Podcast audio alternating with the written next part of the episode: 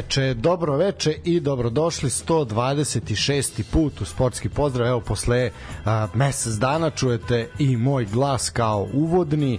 A, lepo je vratiti se. Dok sam dolazio do studija, pevušio sam ovaj od Kemala Montena zemljo moja.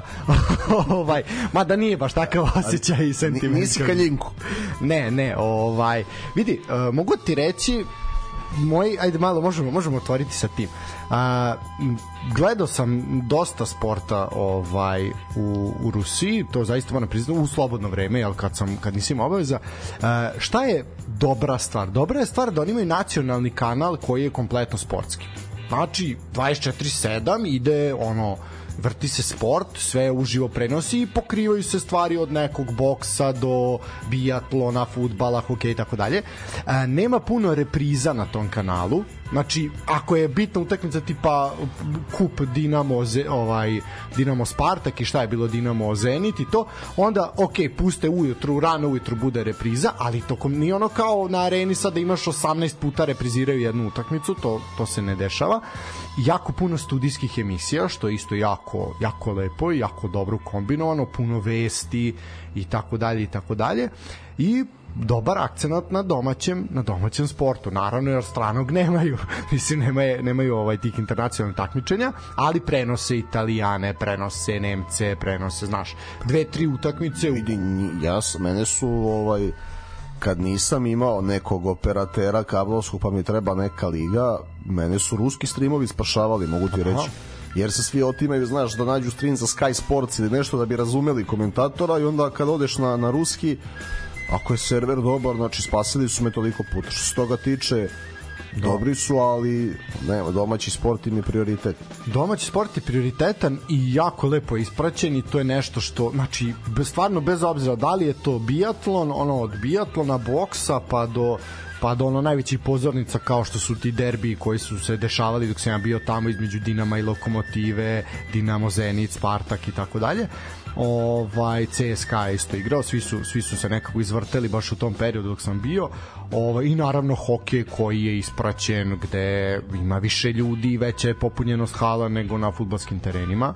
Ovaj što nama onako malo je čudno, ali za to podnemlje uopšte uopšte nije način na koji je sve to sve to ispraćeno i uopšte dinamika vidi to to ne može se poredi ni sa čim. Što se tiče fudbala, a mogu ti reći da kad bi oduzeo novac i infrastrukturu kvalitetom to je ništa spec. To je baš ništa specijalno i to je da. Gleda se njihova liga i reprezentacija da. ovde prenosi su bili na i na jednom i na Tako je. drugom sportskom kanalu i mislim znaš kako gledati 11 Rusa zajedno kako igraju fudbal izuzev onog perioda kada je Hiding bio selektor, a Aršavi na terenu i nije baš mnogo zanimljiv. Pa da, dosta, dosta stranaca, dosta naših, ovaj, ali naš, ja sad ovo nisam, moram biti iskren, kako su kako je krenule su te sankcije i to sve, nisam pratio, ovaj osim ono malo vesti kad su iz naše lige odlazili odlazili igrači tamo nisam pratio i nisam gledao ali zaista onako sve to je na istom nivou na kojem je bilo nije ni opalo ali nije mnogo ni ni napredovalo, ali jednostavno tu, je, tu su gde su i ono, zadovoljni su time, i, ali znaš, ipak je meč dana bude Juventus Lazio. Znaš, ipak je pa, što je kao, kao i ovde. Da. Tako da što se toga tiče, ovaj eto, malo smo imali dodir sa te strane, ali imaš sportova koji su totalno skrajnuti poput rukometa kog nema nigde, poput odbojka. Što nije da. tako bilo u Sovjetskom savezu. Da, da, odbojke koje recimo isto jako malo ima i tako dalje i tako dalje. Dobro, tu i reprezentacije funkcionišu. Ali Da, ali nije nije zastupljeno jednostavno, nije ovaj. I na šta je isto zanimljivo, jako puno imaš uh, ljudi, na primjer u studiju kad su studijske emisije, jako puno trenera, jako igrača, predstavnika nekih saveza, čak i sudijske organizacije, što je nešto što bi mi zaista mogli da implementiramo. Znaš, zaista bi mogo na pre, pregled kola, na primjer na areni, da dođe neko iz sudijske organizacije, ali ne penzionisani sudija koji je sudio pred 30 godina, nego dođe neko ko je tu sad i da malo, malo ovaj se pita zašto je ovaj sudija delegiran, zašto ona i zašto, da li je ovo bila greška, nije greška, znaš, malo, nije baš toliko nedodirljivo, što je sasvim u redu. Ne, imaju, specifični su, imaju dobrih strana, imaju naravno i loših, ali loših strana, ali eto sve u svemu ja ono što stvarno kažem, najviše cenim to tu zastupljenost e, domaćeg da. sporta, ono. Vidi, tako nešto zaista ta, ta emocija i ta strast prema domaćem domaćem sportu to je to je nešto što naš što nama treba i što nama fali naš i e, podjednaka zastupljenost i kad igraju krila Sovjetov protiv Sočija ali i kad igra Lokomotiva protiv Spartaka. E to naš to je ono što nama ovde fali jer kod nas država stane kad je derbi ali na TSC Vojvodina ha naš jebi ga A, a šta tek na Kolubara Spartak. A tek to, to što kaže Lazo Bakman, istavi mi normalni baš, ali dobro.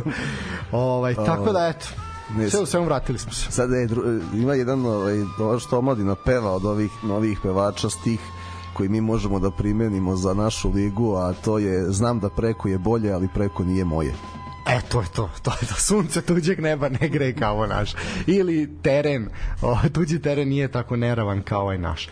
Sve u svemu, ovaj, ako imaš, imaš nešto da dodaš ili ćemo se baciti na kolo? Mm, imam da čestitam. E, može, ajde. Čestitke Marini Maljković što je sa Fenerbahčom osvojila žensku Euroligu i sada mislim da ima sve osvojeno u klubskoj karijeri. Ostale su još olimpijske igre reprezentativno što pored Amerikanke i baš i nije najjednostavnije, ali ima olimpijsku medalju, ima evropsko prvenstvo dva puta, imala Evrokup i sada evo i Evrolige. E, zaista osoba iza, iza koje on stoji rad, rad, rad, rad. Znamo kako je to bilo u ženskom košarkaškom klubu Partizan pre 10-12 godina, da je osovina sadašnje reprezentacije potekla odatle, koliko je tu bilo i finansijskih problema, apela za pomoć, e, svašta nešto se dešavalo, ali Marina je neku pa neko ko ovaj, ako bi ako ne bi postojao problem u slačionici ili neki ego neko ko ima kvalitet da radi u muškoj košarci ja to absolutno, ja to ovaj načina Znaš, gledao sam to zbog reprezentacije. Načina koji naša reprezentacija igra, kako se znaju uloge, kako ide ta lopta, kako se poštuju uloge u, na velikom broju takmičenja je zaista fenomenalan i stalno neka nova devojka iskoči. Baza uopšte nije toliko velika, ali ona nalazi način da okupi nekih 12 i da to uh, da se prave kontinuirano rezultati. Stvarno mi je drago i eto neke emocije me vežu i za onu halu sportova i ona navijanja svojevremeno uh, koja su bila fantastična tako da od srca je želim da znači da bude prva ali ne i jedina. Tako je, mislim da je ovo uh, pr, da je Fenerbahče ovim postao prvi klub koji je osvojio i u muškoj i u ženskoj konkurenciji Euroligu. Mislim da to nije niko, niko uradio do sad, tako da je to velika velika stvar.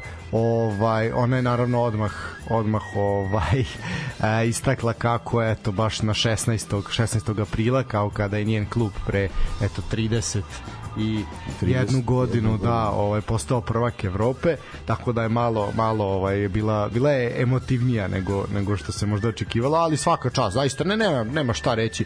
Ovaj tre, kad smo ajde već kod pohvale ja bih pohvalio i žensku rukometnu reprezentaciju koja Naravno. je savladala Turkinje. Mislim što se i očekivalo ali onako jedna lepa lepa rukometna predstava je priređena u Beogradu ovaj nakon ubedljive pobede u prvom meču oprostile su se devojke od reprezentacije, dosta imena, naravno u svetskom prvenstvu će se igrati sa novim licima, sa novim imenima, sa podmlađenim sastavom, ali sve to ne znači da ne očekujemo dobru, dobru i požrtvovanu predstavu naših devojaka, eto kažem, tu, tu zaista čestitke.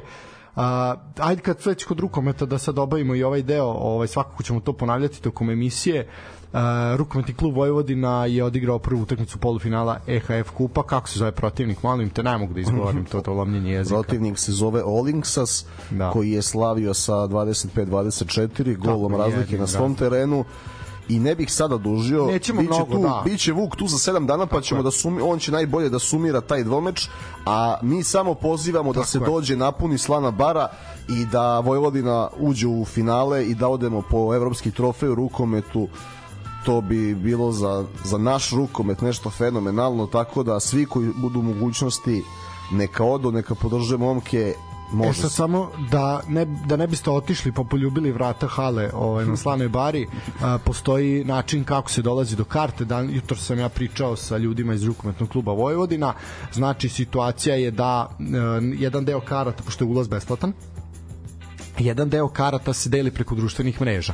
Tako da se javite, javite ovaj ljudima u inbox, oni brzo odgovaraju, reći će vam gde i kako da preuzmete karte, a sa druge strane možete i SMS-om da rezervišete ono što je ostalo, ako je još uvek nešto ostalo pošto su karte koliko ja znam puštene juče već u taj optice rezervisanja uh, tako da verujem da će se to razgrabiti ali je su rekli iz kluba da će dosta ljudi uh, na tribinama biti iz raznih rukometnih klubova, škola rukometa i tako što znači garantuje da će biti jedna jako lepa atmosfera ovaj na na Slanoj bari. Tako da eto subota 22. 22. april eto revanš utakmica i šansa da Vojvodina uđe u finale i da eto posle ja mislim Jugovića iskačete početkom 2000 godina Tako donese jedan klubski evropski, da, donese jedan evropski klubski trofej ovaj u našu zemlju, tako da eto, naravno, podrška za klub iz našeg grada, a svakako ćemo o tome pričati više da ja se ne bih. Bilo je pitanje da ćete se baviti time, nećemo posebno ovaj, trošiti sad reči tu, tu ćemo kad bude Vuk, a i svakako onda ćemo sumirati kad se završi da, sumiramo dvomeč da. i Bože zdravlje proslavimo da. finale Ono što je što ajde u jednoj rečenici uh, zaista svaka čast Vojvodini jedna čvrsta čvrsta odbrana, možda i najbolja odbrana o koju su odigrali ove sezone, zato su i uspeli da održe na minus 1, što je vidi to je apsolutno otvoreno i uz ono bodrenje i huk sa tribina mislim da ono samo je nebo granica tako da on, dođite dođite rezervišite kartu uživajte ovaj mislim da biće zaista biće zaista spektakl e tako mislim da smo sad sve ovaj to je ono da, želje čestitke pozdravi su obavljene to je ono da. van ključnog sada idemo idemo na, na najvažnije. Da idemo na ono najvažnije. Imamo dva kola, 29. i 30. To ajde prošli put nije bilo emisije prošli ponedeljak jer imali ste šta smo rekli 12 golova ovaj na celo za celo kolo što je onako debelo ispod proseka na koji smo navikli ovaj u, u našoj ligi negde prosek oko 3 oko 3 pogotka po meču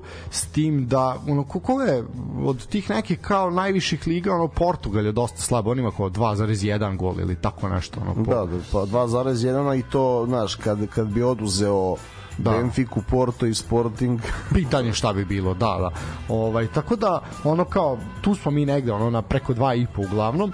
Ovo je, ovo je baš bilo dosta slabo, ali ajde, još uvijek je bio oporavak od tih loših vremenskih vremenskih uslova. E sad da bi se malo podsjetili samo šta se dešavalo, ja ću kratko pročitati rezultate, pa ćemo onda ovaj reći ono što je što je najbitnije.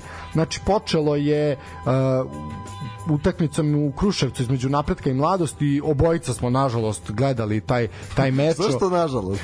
pa ne, mislim ne nažalost zato što je naš to je ako želite nekog da, da, da nekome ogadite domaći futbal, da ga više nikad ne pogleda, ova, a da taj nije ovaj sadomazohističke prirode, pustite mu ovaj meč, on više nikad neće pogledati domaću ligu. Ali ne zato što se momci ono nisu dali sve od sebe ili koliko god da su ono njihove mogućnosti, nego zato što je taj meč zaista bio uh, uslovi za odigranje meča nisu bili nisu bili na, na nekom normalnom nivou.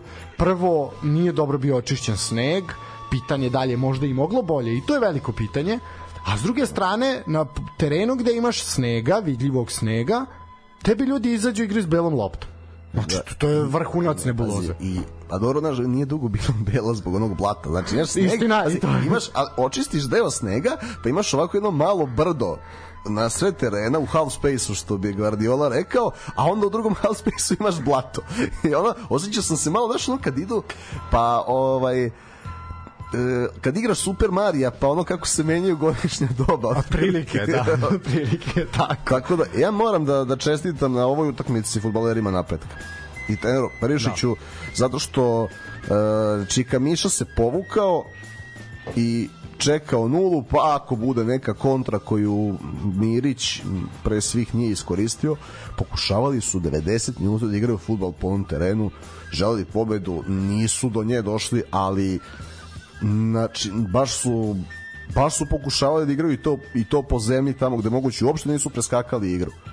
Da, ovaj, ono što... Ali u nekim situacijama je bilo neizvodno. A ne, mislim... I najvažnije je što se niko na toj utakmici nije povredio. E, to je ono što je najbitnije, tu se apsolutno slažem, saglasan sam sa tobom, stvarno su ono momci iz Kruševca diktirali tempo, ali meni je delo onda, što kažeš, Lučani su se povukli, čekali su, pa, pa šta bude.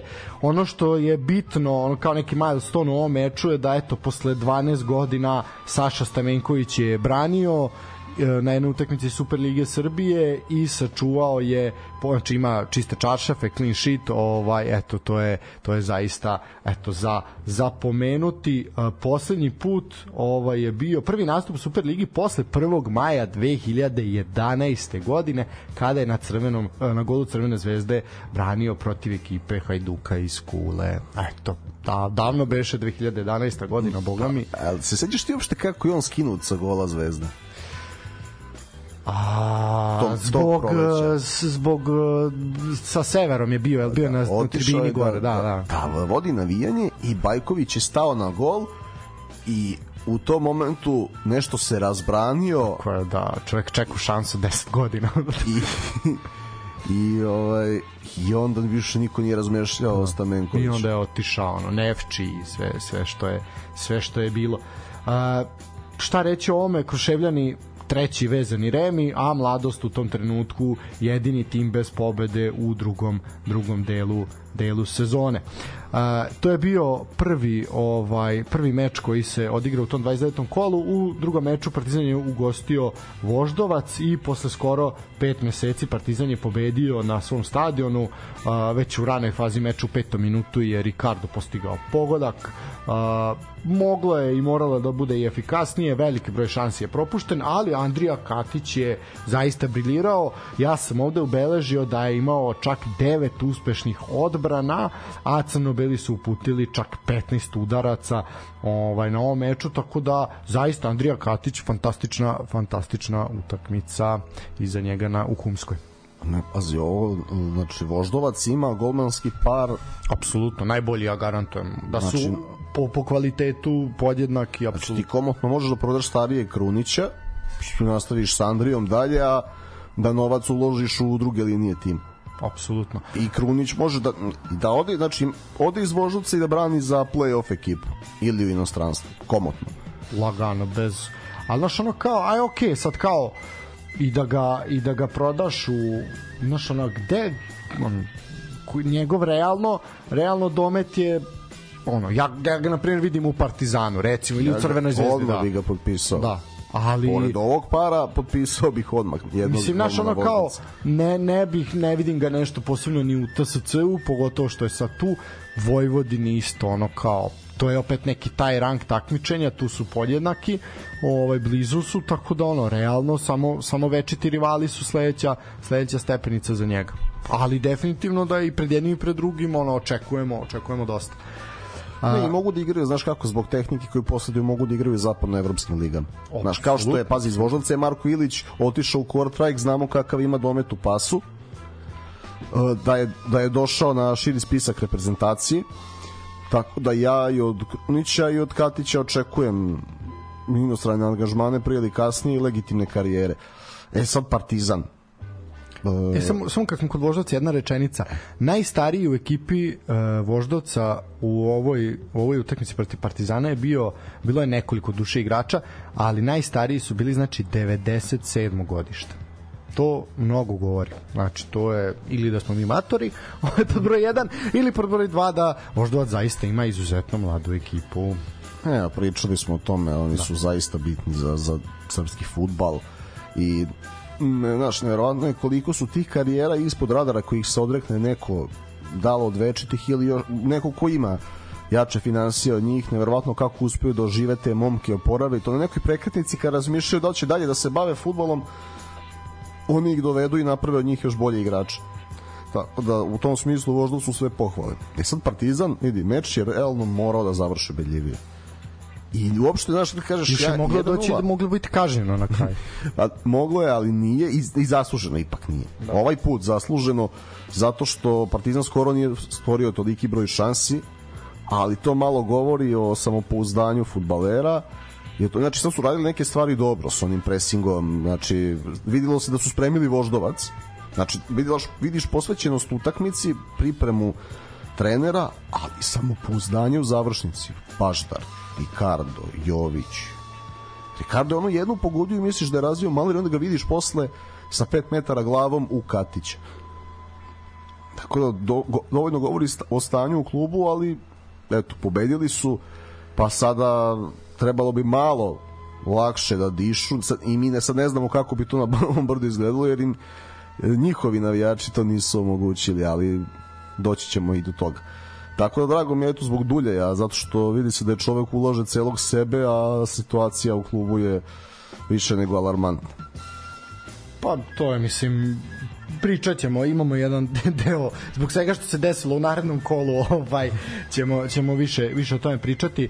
Ovaj ali za sad možemo možemo preći na sledeći meč pa ćemo to ono više se više se fokusirati na taj deo i pričati o svemu tome šta je bilo. A, a u svakom slučaju ako Partizan bude igrao da. ovako, a vrati se u poznanje, ne mora da se brine za Evropu, možda ni za, za drugo mesto. Ovo je put, ta, ta agresija protiv Voždovca od prvog do posljednjeg minuta, taj intenzitet garantuje rezultat. Sad, da li će da izađu kao protiv Vojvodine od starta ili kao protiv Voždovca, pošto je razlika u odnosu na dva meča bila samo par dana, na njima je. Apsolutno, da, ono, ono protiv Vojvodine je bilo ovaj, zaista pa mislim neverovatno da da ne pamtim da da je Partizan izašao tako spuštenog garda i ono toliko bez života kao kao tad. E sad naredni meč sever države, sami sever Spartak Crvena zvezda ono što si ti prokomentarisao, eto, možda i najbolji teren je bio, najbolje pripremljen teren je bio ovo kolo u Subotici. To se nije mnogo dešavalo tokom istorije, da najbolji teren, eto, ovaj, u kolu bude, bude Spartakov, tako da evo čestitamo i Spartaku ovaj, Subotice i svakako ljudima u klubu. Sad još samo neku još publiku kad bi rentirali. Da, ovaj, sad, da, ne može, ono kao, kao ovaj, u FIFA, ono, ljude od kartona postavite, ovaj, ili u PES-u, tako da svakako što se ovog tiče, eto, čestitke na dobro pripremljenom terenu. Uh, počelo je, mislim, onako munjevito Bukari u 7 minutu postigao pogodak Šimura je odmah na 1-1 i ono kao delovalo je u tom neki ono prvih 10-15 minuta kao okej, okay, možda će Spartak zaista uspeti ono da se da se, da se bori da to što duže izdrži ovaj da ne bude potpuno potopljen međutim Kataj je iz penala u 23. minutu podigao na 2-1 Kangva 3-1 i Kataj ponovo na 4-1 82. minutu Uh, Spartak će morati da traži boga mi bitne bodove za opstanak u preostalih 8 tačnije 7 kola ovaj što se tiče Zvezde apsolutno rutinski odrađen meč uh, nakon meča izjava Zedana Terzića da eto uh, pošto je bilo dosta kako vidiš na tu priču na spominjanje potencijalne zamene u treneru ovaj Makabija Ovaj, uh, ružno, ružno prema Milošu Milojeviću. Ne vidim, znaš kako, nije selektirao tim na leto. Nije dobio ne znam kakvu rekonstrukciju na zimu ok, poznaje, bio je pomoćnik Stanković, poznaje deo igrača. Uh, sad, uh, ako gledamo moment kad je preuzeo tim, on je savladao kod kuće Trabzonspor, savladao je Ferenc Varoš, izgubio od Monaka, mislim, koji ima što je sasvim legitimno. Pazi, e, tada e, suđenje je bilo na strani Monaka. Jer ako si dao onaj penal Monaku i za zvezdu je bio penal jedan, nije uopšte služio da izgubi to. E sad što je pogubio sva gostovanja, bila je loša igra u Monaku, u Turskoj onak, pa loše je bilo i u Mađarskoj, ali da kažeš da si bio na 1-1, da si imao neku šansu tu. Grupa je bila ujednačena i to jeste bio neuspeh sa Zvezdom, ali maš, moramo da premo razliku među neuspeha i katastrofe. Posebno da. u kontekstu za njega samog. E, nije izgubio od Partizana na 1A, e, pobedio je kako tako na Marakani, znači nema negativan skor u derbiju ima i dalje znači titulu ima, ima šansu da uzme duplu krunu i sad na taj način samo što ono nije neko veliko marketinško ime i veliko ime u istoriji Zvezde nije bio e, neki bivši igrač šta se dešava? Njemu se non stop traže zamene mesecima to ako već tražiš nemoj to da radiš javno. Jer evo taj meč protiv Spartaka ako se ne varam treći ili četvrti koji treći sigurno možda i četvrti da je Zvezda primila gol Jer šta, znaš, igrači se opuste, uljuljkaju tim situacijama ako vide da si bivši, znači reakcije Dragovića u Subotici za primljeni gol ili protiv Gata, pa šta je on? Sad ću ti reći, to je, znači primili su gol e, Topola prvi, Pazar drugi, e, Radnički u kupu treći, pa Napredak četvrti, pa Gat ti je peti meč, šesti sa Šesti. Spartakom. Ja, Da. mislio sam da se tu ne, umuvala jedna sve evo Posle, posle je bio ovaj Kragujevac kad je da se su sačuvao. Da. prekinuli seriju znači eto koliko šest puta Da. i svo, sve to vreme je bilo priča o tome ko će da menja Milojevića na letu. Na kraju, ajde, Terzić je onako da kažem, možda stavio tačku na te... E, to bože je Da. stavio tačno kao ima dva meseca da se dokaže pa vidjeti. Pa šta da radi on, znači titulu ima, favoriti da uzme kup i šta, šta sad znači ako uzme kup dobar i ako ne uzme kup dobar. E, Ružno prema njemu. Apsolutno, da. Ali sad gotovo, sad je, znači sad se samo pitaju svi ko će biti trener Zvezde i ne bih se, posebno sad što će biti še, verovatno, pošto ne očekujem poraz od TSC-a, e, verovatno će biti šest kola lige da igraju ne, koje nemaju takmičarski značaj za njih i tu, tu su opet razni rezultati mogući i nonšalancija pojedinaca, ali pre svega mi je oličena u Dragoviću. Znači neke njegove reakcije na koje uopšte nismo navikli vidi. Pa dobro, bila je ta priča i Dragović odlazi, ostaje, odlazi, ostaje, naš i to, i to sve ima ima ovaj uticaja. Znaš, to, ali to ti je crvena zvezda i kad nema problem napravit ćemo da ga, da ga ima, da se o nečemu To nije to priča, samo crvena zvezda, to je to je generalno ovo podneblje, mislim, Da, ne, ali napad, mislim, veli, veličina kluba, sav marketing, hype, baza navijači, sve što se dešava, znaš, mora o nečemu da se priča u toj meri i nešto da menjamo, da nešto ne valja. Pa Pusti je čoveka da radi. Mislim, koliko, koliko god Barak Bahar bio odličan trener u dva izraelska kluba, veliki uspesi, stvarno veliki uspesi za izraelski futbal interes i gledljiv, dopadljiv, sve stoji, ali to, ako ste dogovorili, trebalo da sačekate i onda to objavite i da se Milošu zahvalite na lep način. Ovo je, ovo je ružno. E, Spartak je inače pokušavao da igra, ali onaj, onakav penal onako koji je se bez veze dogodio ovaj, nećemo kažu da nije bio, ali je znaš, tako ne, za malo nije ono klasični, znaš, klasični Luka Klizeć i ostalo, baš ih je poremetio. Ali su do toga momenta, pa i nešto kasnije, stvarno izgledali dobro i onda ga onaj, onako, moramo da spomenemo onako lep gol Kingsa Kangve. Apsolutno, da. Mislim, i mm, Ovo, utakmici naredno ima jedan izuzetno, izuzetno lep, lep pogodak, ali definitivno, ne mislim, vidi, pokušali su i ono što je definitivno falilo Spartaku u prethodnim kolima, a što je došlo sa novim trenerom, a to je ta neka krv i malo, i malo ovaj, ta energija. E sad vidjet ćemo da li će taj taj naboj i nalet energije, taj honeymoon period potrajati i tokom play-outa, to ćemo, to ćemo vidjeti. Ono što treba spomenuti, uh, u Subotici je Kata je bio dvostruki strelac i došao je do 17. gola u prvenstvu, a 101. pogotka u dresu uh, Crvene zvezde, što je zaista zaista ovaj onako fascinantna brojka i mi Aleksandru zaista čestitamo. Uh, još nešto se desilo i to je dosta prošlo onako ispod, ispod radara, ono čak smo i mi u našoj konverzaciji neko ono kao šta se desilo, a evo šta se desilo. Zbog neprimerenog ponašanja navijača na utakmici protiv Novog Pazara disciplinska komisija Fudbalskog saveza Srbije na uh, reakciju UEFA kaznila je Crvenu zvezdu igranjem jedne utakmice bez prisustva publike. Taj to je ono što zašto se mnogi su se pitali pa šta se to desilo zašto protiv Radičkog iz Kragujevca nije bilo ovaj ljudi na tribinama. Eto zašto zašto se desilo? Zbog isticanja transparenata odnosno ovaj nekih parola. Ovaj čestitanja rođendana Ratku Mladiću.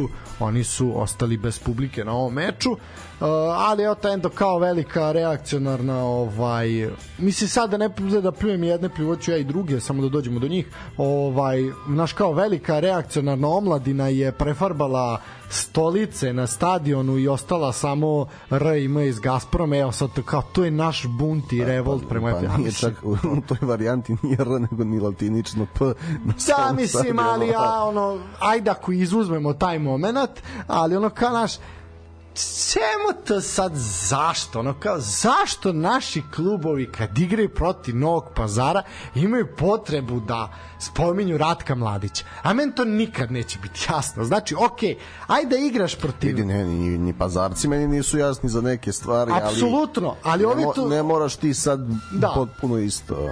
Ali mislim ono kao kakve Ratko Mladić ima veze s Novim Pazarom da igramo protiv ekipe iz okoline Srebrenice. Pa bi ja rekao, ok, aj kao naš, ono, ima nekog smisla da kažeš. Ali ovo, ja ne vidim poveznicu. Ja ne vidim zašto se to konstantno... A to rade svi. Ono, manje više svi. Čemu naš, ono, pritom, a pritom, ono, Ratko Mladić, ono, navijač Partizana, čovjek. Žuro kao, pa da. mislim, suludo je, zaista je suludo, da. Njegov sin se zahvaljivao grobarima na podršci i ostalo tako da. Ne, mislim ne na ono ne neverovatno. Ono kad al, kad smo već da. A ne pa evo vidi ja ću reći stvar sad nećemo da idemo u, u duboko u to. Ne ali o, samo eto spominjem pitanje se zašto da. ne vidi može da se diskutuje ko je Mladić kakav čovjek šta je morao da radi šta je zapravo šta nije radio to ali uh, i ovo, ovo njemu ne ide, njemu lično ne ide u prilog. To njemu kao vojniku ne ide u prilog. E, on ne ide nikome u prilog. Mislim, ja ne shvatam. Tako ja da, zaista ne vidim poentu ovoga. Šta je poenta ovoga? Čak, mislim, ono kao, ne, ne znam, za, ja zaista ne vidim poentu šta se ovim dobija, kao što nisam video poentu ni kad su to radili Partizanovi, ovaj, navijači protiv Novog Pazara, ja zaista ni ovde ne vidim poentu ovoga čemu ono kao pobeda vas jebote deli od titule ono kao a, pritom pozivate na neku spartansku tribinu da se pa ponovo vrate. Sve saopštenje. Da li si čitao saopštenje navijača e, koji pozivaju e, ljude na tribinu u momentu sam pomislio da se Vladan Lukić vrati u klub. Da, a, to je to to, je, to, to su Vladan Lukić i Goran Vesić na čelu, na čelu kluba to je to. Ali, ne, ali čak i da, kako ti objasnim, da imaš um, neke stavove koji su kao malo prepomenuti. Da. E, moraš da... Aha, čekaj. Hoće ovo naš klub dovesti u problem? Dobro, aj ne moramo to sad. A ja imam poruku za, za njih konkretno po, imam iz ove druge, ali sad za njih konkretno, pošto 2017. išli, ako se sećaš, što nije toliko medijski naglašeno, oni su, kad su izgubili 2017. titulu, išli u Nion da protestuju ispred sedišta UEFA. Nek, neka grupica. Da, jeste, da. Ja istu grupicu ljudi pozivam lepo, dajte čoveku podršku. A ja smatram da da isto je, da taj sud nije validan tamo. Kogod je šta radi u životu, ne treba bude taj sud ne treba time da se bavi na taj način. Idite u Hag i lepo pružite mu podršku tamo, kao što si išli u. Jer nije to velika razlika udaljenost. Pa da, ali znaš ono, kako je to ostavi mi fudbal. Apsolutno, ome ne da je vidi svaka čast na reakciji prvo ljudi iz UEFA, ovaj a dobro fudbalski savez je posle morao, ovaj su bili pritisnuti, ali znaš kao zaista ne potrebe za ovim, ja ne vidim, ne vidim potrebu, ali dobro. Ovaj glavno glavno ključno rečenicu rekao, znaš kao da neko stani da razmisli da li ovo donosi nešto, nešto klubu ili ne donosi, kakve posledice može biti. Kad bi u ovoj državi neko razmišljao o posledicama, bilo bi nam mnogo lepše, ali dobro. Uh, naredni meč Boga mi, da li si se nadao da će Nenad Lalatović ovako dugo biti bez pobede na... Nisam mislim da ovo nije niko očekivao. Nije, nije nas on navikao, jer da. gledaš od od napred kad s proleća 2014. kad ih je spasio ispadanja on ovo mu je najlošija sezona karijere da ja znam. Apsolutno. Uh, u 29. kolu Gat je dočekao Kolubaru na Karadžorđu čestitke i zahvalnost našim Janku Fejdiju koji je zaista ispratio sve utakmice Gata ovaj dok smo mi bili ovako rasejani i, i odsutni i biće Janko gost ovde dok no, ne, ne, ovaj, ne raseje po inostranstvu. Ovaj ova utakmica 0-0 zaista nešto što treba jako brzo zaboraviti i već se i zaboravilo prvo poluvreme je bilo totalno ono zonska liga, otprilike kvalitet, a i u drugom i Bože pomozi, ali pa tu, definitivno katastrofa. Tu me Kolubara razočarala u toj da. utakmici. Jer, jer su uh, to, uh, tim remijem su oni izgubili šansu za play-off. Tako je, ja a nisu sam išli po gol. ja, tačno, ja sam očekivao da će oni tu napasti jer su znali da je Voždovac ovaj poražen u Humskoj. Znaš, ono kao napadaš, ovi idu zvezdi ovaj, radničkim, kao šansa ti je da tu zakuvaš u tom poslednjem kolu ovaj, da izboriš, izboriš makar neku šansu za taj play, play-off. Ali međutim nije se u tome uspelo. Ali što kažeš nisu kao da nisu ni išli kao da se tu ovaj onako već pomirili s, s nekom sudbinom. Što se tiče Gata samo ću reći nakon pobede protiv Partizana do evo ovog 29. kola samo tri boda osvojena i to je zaista onako poprilično poprilično skromno. Uh, no, pričat ćemo detaljnije i pa, vidi, Najbolja da. utakmica posle utakmice s Partizanom jeste i na Marakani gde su je. igrali dobro, ali pali u drugom poluvremenu i zato što su oba puta uh, igrali na tranziciju oni se, znači sad su se stabilizovali defanzivno i da brane protivničku tranziciju i da se brane kada su i u plitkom bloku. Ali sa loptom znači rešenja u napadu a to opet vraćamo se na ono pet trenera u toku godine da. 30 igrača ne pozna ja, ja stvarno bih se zapitao ono da li, kad dođeš na, dođu na trening da li se svi poznajemo da, da neko neka ej kako je ovaj tamo što se zagreva? Da tu su, tu su oni napravili problem i sad ispaštuju zbog toga. Vremena još imaju što je najvažnije za njih. Apsolutno i mislim zahvaljujući rezultatima i nekih drugih ekipa ono još uvek su debelo debelo u igri. Ovaj ali definitivno da Gati bio i u oba prelazna roka je bio najaktivniji, najviše igrača su doveli i i najviše igrača je otišlo što je zaista onako potpuno bizarna pa situacija. Dobar, dobar primer za ekipe koje budu ulazile. ulazile u ligu šta i kako da se radi. Jer evidentno je sada je veći jaz između Super ligi i Prve lige nego pre. Mnogo. Super liga je kvalitetnija po nekim osnovama i sve teže kad uđeš u Super ligu da se isto i zadržiš. Ali baš zato ove, klubovi moraju nađu način da rade kontinuirano ovaj način na koji je GAT radio na kraju mo, i dalje može da da neki rezultat i opstanak, ali vidimo mučenje tokom čitave sezone. A znamo kakva je euforija bila i koliko su oni su se prošetali prvom ligom Srbije. Apsolutno. Odskakali su u svakom smislu i taktički i fizički, tehnički manje više. Da, uh, mislim da je koji je Ne, da, nisu, teo sam da kažem da je GAT apsolutni rekorder po broju promenjenih trenera, ali nije, Novi Pazar je rekorder, oni su promenili čak šest šest trenera od početka sezone što je što je zaista suluda suluda brojka. No ovaj idemo dalje. Idemo na meč Novog Pazara i Radnika. Uh, 1-0 je bilo za Novi Pazar. Majdevac je u 78 minutu bio strelac zaista jednog lepog, lepog ovaj pogotka.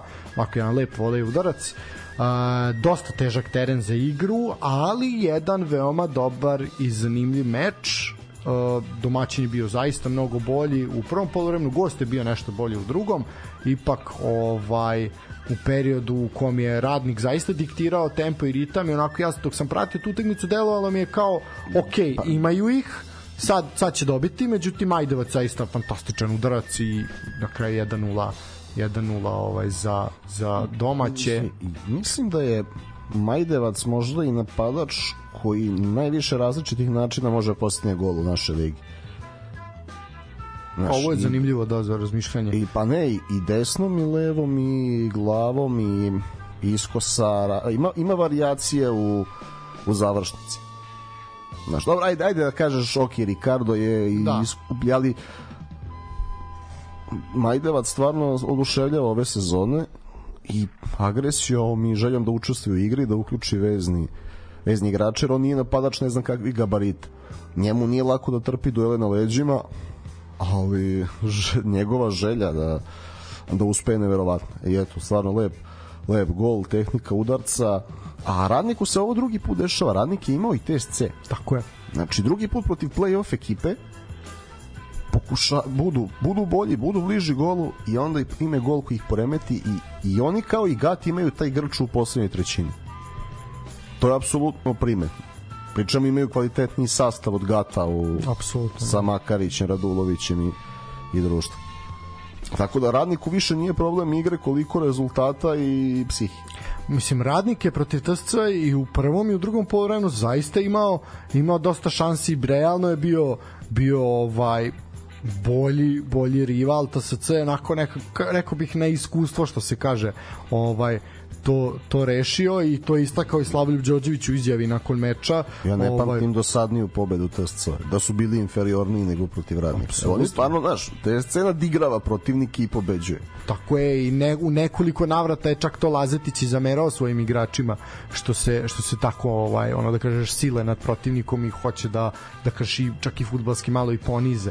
Ovaj, ali dobro, ovaj zaista možda mislim ajde sumirat ćemo taj utisak kad, sad, kad završimo sve pa ćemo onda vidjeti ko na koga i ko kako i ko šta može ali nekako od ovih ekipa koje se bore za za opstanak u ligi deluje da je radnik u nekom ono najjače možda naletu od svih od svih ostalih i od Gata, pa boga mi i od Spartaka, koji ajde jeste se tu malo kao nešto probudio, ali radnik se, je najveći zamajac Što se tiče same igre, od play-out ekipa, mislim da da radnik što se radnik na jedan način napredak na drugi način nemaju krizu igre.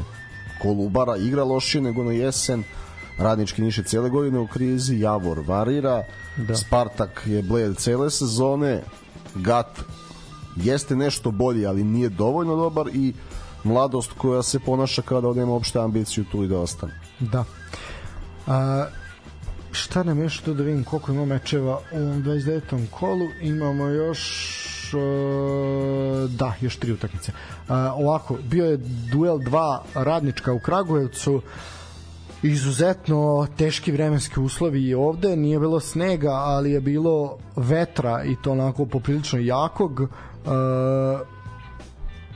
zaista eto ove godine i radnički iz Kragovica i radnički iz Niša proslavljaju vek postojanja i na ovoj utakmici su momci iz Kragujevca izašli u posebno dizajniranim dresovima povodom 100 kluba i to je onako jako jako lepo lepo izgleda i onako napravljeno je u tom retro retro stilu zaista zaista lepo.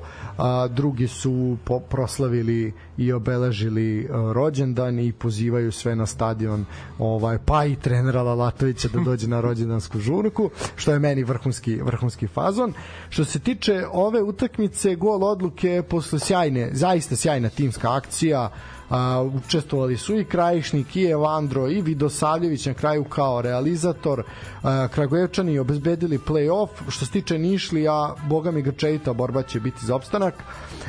Spomenuo smo ove momke a na kraju sa Vidosavljevićem koji je bio strelac u tom 49. minutu. A, Milutin Vidosavljević i Stefan Čolović dva eto bivše igrača Čukaričkog zbirno su zaslužni za čak polovinu golova koje je Kragujevački tim postigao. A, kombi kombinovano postigli su 9 golova i upisali pet asistencija. Bilo Vidosavljević na 23 utakmice ima 7 golova, dve asistencije, Čolović 2 gola, 3 asistencije na 20 utakmica, s tim da je Čolović malo pao u formi, mislim da je tu bila čak i, i neka povreda povreda u pitanju. Eto, 29 utakmica, povreda, 29 golova. Pa da, bilo je povreda, ima i konkurencije, znaš, nije. Uh, I onda malo kad svi hoće da igraju, da se namet, u to u navali. Pričali smo o tome koliko igrača radnički ima koji mogu e, udarci sa distance da ugroze gol protivnika. Evo, pa videlo se sad koliko je Vidosavljević valio protiv Zvezde sledeći kol. Apsolutno, da. A... Tako da on mi smo se čuli otkud on uopšte iz inostranstva u Kragujevcu u momentu kad su bili 15. na tabeli. Tako je. A eto, videli Boga smo mi sam se ja iza Čolovića čudio otkud u Kragujevcu. Mislim da onako u Čukaričkom bio poprilično dobar, da ne kažem solidan, a ovaj ali bilo mi iznenađenje kad je kad je otišao u Kragujevac, ali definitivno kvalitetom vidi odskače. Da, i to pa se ti eto 29 golova na 29 utakmica. Da. To koliko je radnički više golova mogao da da, to posebno je... na proleće, a muče se s realizacijom, muče se sa osvajanjem bodova, a, a imaju igru. Mislim sigurno da su po igri u top 5 ovog proleća. Ako gledaš šta su prikazali, neke sjajne ideje Dejana Joksimovića, ali sa, sad mi je bitno, e, sad mi je bitno da naprave da ostane kontinuitet. Nukleosa ekipe i trenera za sledeću sezonu, pošto novca ima i bit će ga jel, od, od UEFA da, za 100 godišnicu i da napraviš jedan transfer i od toga da dovedeš 4-5 igrača i borba za Evropu i novi stadion. Da, i novi stadion koji je, mogu ti reći, preko potreban, jer evo i sad na ovoj utakmici je zaista očen, očeni su uslovi i tamo zaista je opravdano to uraditi. Ako mi nisu jasni ovi Leskovci i Loznice i slično Zaječari ovo je Čikadača je nešto što što je što je poprilično a ne poprilično meni je sve jasno i svuda su potrebni ja ja bi, jasno naravno ja bih ga napravio evo ovaj na klisi bi ga napravio za borac za petu ligu. Ovde se samo radi da, o tome šta je kad i prioritet tako i, je, tako je. Znači prvo prvo ako možeš obezbedi drenažu i grejači i travu, pa onda sazida i tribine okolo. E to je ono do čega dolazimo i to ćemo tek pričati kad vidimo kako je to, kad se sve to pokaže, kako je to napravljeno, ali dobro, o tom potom. Uh, Znaš, džaba taj novi račun će izgledati lepo, ako on... Ko će to održavati? To je pitanje, to su pričali. Ne, ako će opet jedna kiša to da uništi, onda nije poenta da si onda je samo novac opran. I šta ako za šest meseci ponovo bude blato i ponovo ne bude trave, šta smo onda, šta, čemu je onda poenta? Ko, sigurno neće za godinu dana biti promenjena travnata podloga jer se za to para nema. Mislim, to ali dobro, to sve o tom potom. I to sad ostaje samo da se nadamo da će to biti napravljeno kako, kako treba. Da, znaš, kako, prvo da mi rešimo podloge, Uh, znači podloge, grejači, održavanje da sneg i kiša to toliko ne remete i reflektore da po potrebi možeš da igraš i uveče jer ono znaš kad je, kad je vreme lepše nekako čak i ljudi koji ne gledaju toliko futbal kao evo kod nas u Novom Sadu čuju se posle posla oko 5, 6, 10 šta radiš? E, ma petak je ono, evo idem pre, pre kafane, idem u 7, pola 8 na, na Vojvodinu ili na Gat. E, pa idem evo, razumeš? Pa jeste. I to bi moglo svuda tako, zato ti trebaju reflektori. A da bi pa si da. igrao dobar fudbal treba teren i podloga i da bi treneri poput Dejana Joksimovića svoje ideje uspešno i kontinuirano sprovodili. Tako je. Lazetić to može zato što Lazetić ima podlogu u Topoli da, da radi šta hoće. Voždovac to može da radi na veštaku, zato to izgleda kontinuirano lepo. A Dejan Ostali... Joksimović, pa ne, ali Dejan Joksimović je najbliži tome i pokušava. Tako je, tako je, ostali... Sad, sad kako ti da igraš sa uvučenim bekovima u sredinu i ono, ovo što Guardiola radi 3, 2, 4, 1, kako ti to da igraš po blatu? Ne možeš. I onda u nekom momentu moraš, moraš da preskočiš sredinu. Da je nabiješ, da. A, kad smo kod očajnog terena idemo u Ivanjicu. Javor Čugarički. Uh, o, ja ovo neću posebno trošiti reći ovde može, sve može da se kažu dve rečenice. Badamosi konačno postigao golove dva gola je dao Čukarički vezao treću pobedu Gigić postigao gol za Javor i to je to. Ja ništa više ovde ne bih rekao. Ovome ko je bio na stadionu i ko je ovo ispratio ovo patnju ovu na ovaj na terenu zaista svaka čast, ali ovo je bilo zaista pazimo da Mosi da i gol iz mrtvog ugla, stvarno loša ne, golmanska reakcija. Javor možda nije zaslužio da izgubi ovu utakmicu.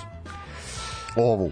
Pa da, e, da, ali dobro, individualna greška. Mislim da je golman Javora i najlošije ocenjen, ocenjen golman ovaj po, po statističkim parametrima, tako da eto i to možda nešto govori. E, e ostale za kraj 29. kola uh, TSC Vojvodina 1-1 uh, perfektno, perfektno eto, ovaj perfektni teren. Uh, žao mi što nije bilo možda malo više publike na na ovaj na tribinama, ali dobro. Uh, Vojvodina, boga mi TSC joj nije nije mnogo dao da da se ovaj razigraju i onako imali smo jednu zaista dosta na momente dosta kvalitetnu utakmicu a, i sve to onako kako se zakuvalo na kraju je posebno ovaj ostavilo onako odličan cliffhanger ovaj za nastavak cele priče. Prvo ponovo moram pohvaliti Ratkova za fantastičan ovaj celu celu ekipu ovaj za dobru akciju pogodak Ratkova u 17. minutu i onda tu Vojvodini nisu zatvorili su realno Vojvodinu šta je bilo bilo je. Nikolić postiže penal u 90 iz penala pogodak u 90. minutu i već koliko u narednom napadu postiže TSC pogodak međutim VAR VAR poništava poništava tu tu odluku. Ovaj dobro nije baš u narednom napadu, ali ono pred, pred u, u, u kratkom vremenskom razmaku. Poništava pogodak nakon onako malo čak i duže intervencije i šta onda šta se onda dešava? Naravno nezadovoljstvo naravno reakcija. Pazi zaista ono TSC je bio bolji zaslužuje pobedu i onda izjava Žarka Lazetića koji je toliko bio vrući besan da mu je para sa glave ovaj, izlazila da je rekao sreća da imamo ovakve stadione ali nažalost da negde može da se izlači linija a negde ne može. Večeras se sudija u VAR sobi bio iz Novog Sada kad smo igrali u, su, u Surdlici bio iz Leskovca. Sledeći put neka ne stave nekoga iz njihovog kluba pa će tako da bude neverovatno najpravednije. Tako da bio je besan bio je besan Žarko. E sad Da li je VAR dobro postupio ili ne? Pa, bilo je, bilo je blizu, ali definitivno je na kraju završeno 1-1.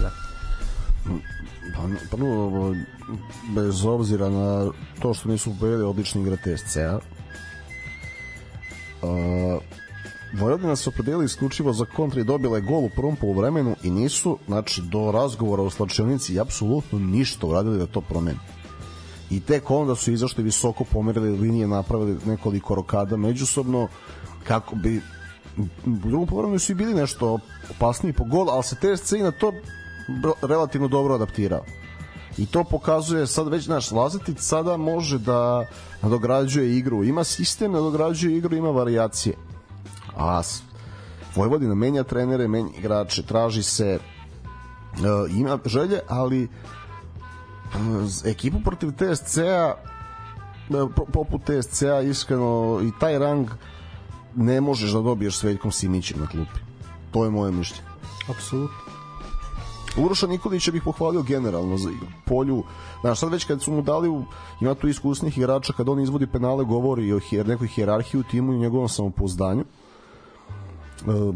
sjajna rutinska realizacija, ali Vojvodina opet ništa posebno, ništa posebno, ništa posebno da. shodno, shodno očekivanje. Da. A, pa do, moram priznati ja sam očekivao više malo, ali što da. Što se tiče para, pa ne znam, ja ne, ne mogu da, da ocenim opet e, verovatno bih reagovao isto kao laziti, znaš, čekaš dugo da se pobedi pitanje šta su ne videli, ali u tom, u tom žaru eto i, i Žarko koji je obično staložen pa dobro vidi, jeste staložen, ali ovo mu je već, ja ne znam, peta, šesta izjava ove sezone nakon meča da je on kritikuje, kritikuje suđenje. Uh, zanima me samo da li da je trener nekog drugog kluba da li bi mu toliko ovaj sudijska organizacija to ovaj dozvoljavala ili bi ili bi već bio sankcionisan jer zaista ono već neko ono ja ne znam sigurno peta šesta ako ne i više izjava koja ono je direktno upućena upućena sudija. A, sve u svemu na kraju kada pogledaš kad se podvuče crta, ok, dobili smo dobili smo ovaj solidan, dobro zanimljiv derbi koji je na kraju bio ovaj onako dramatičan. Uh, definitivno moj utisak nakon ovog meča je daj nam ligu od 10 ili 12 klubova i to je to.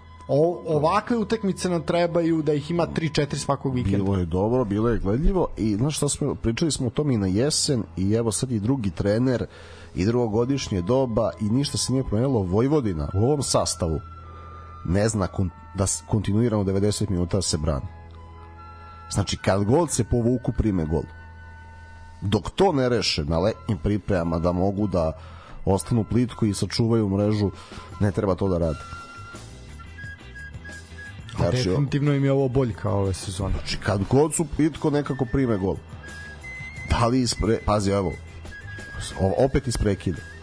Da i onaj var što je gledanje bio iz prekida i još nekoliko šansi TSCA iz otvorene igre izuzetno slabo tako je e sad pošto, pošto je ovo sad kraj 29. kola sad krećemo sa 30. možda m, ajde kratko ćemo se 30 sekundi samo odmoriti ovaj uz nešto što se desilo ovaj u ovom periodu i ima jedna sjajna izjava koju moramo čuti ovaj 15 sekundi onda se vraćamo. Mislim ostajemo mi tu smo u programu, al samo ću prebaciti da čujete ovo zaista, ovo zaista vredi čuti. Slušajte ovo. Ovo je inače bilo uh, sa prenosa italijanske lige na areni. Slušajte. Nema prekršaja nad Kvičom Kvarac Helijom. Simone Verdi u kakva je sada opasnost na drugoj strani.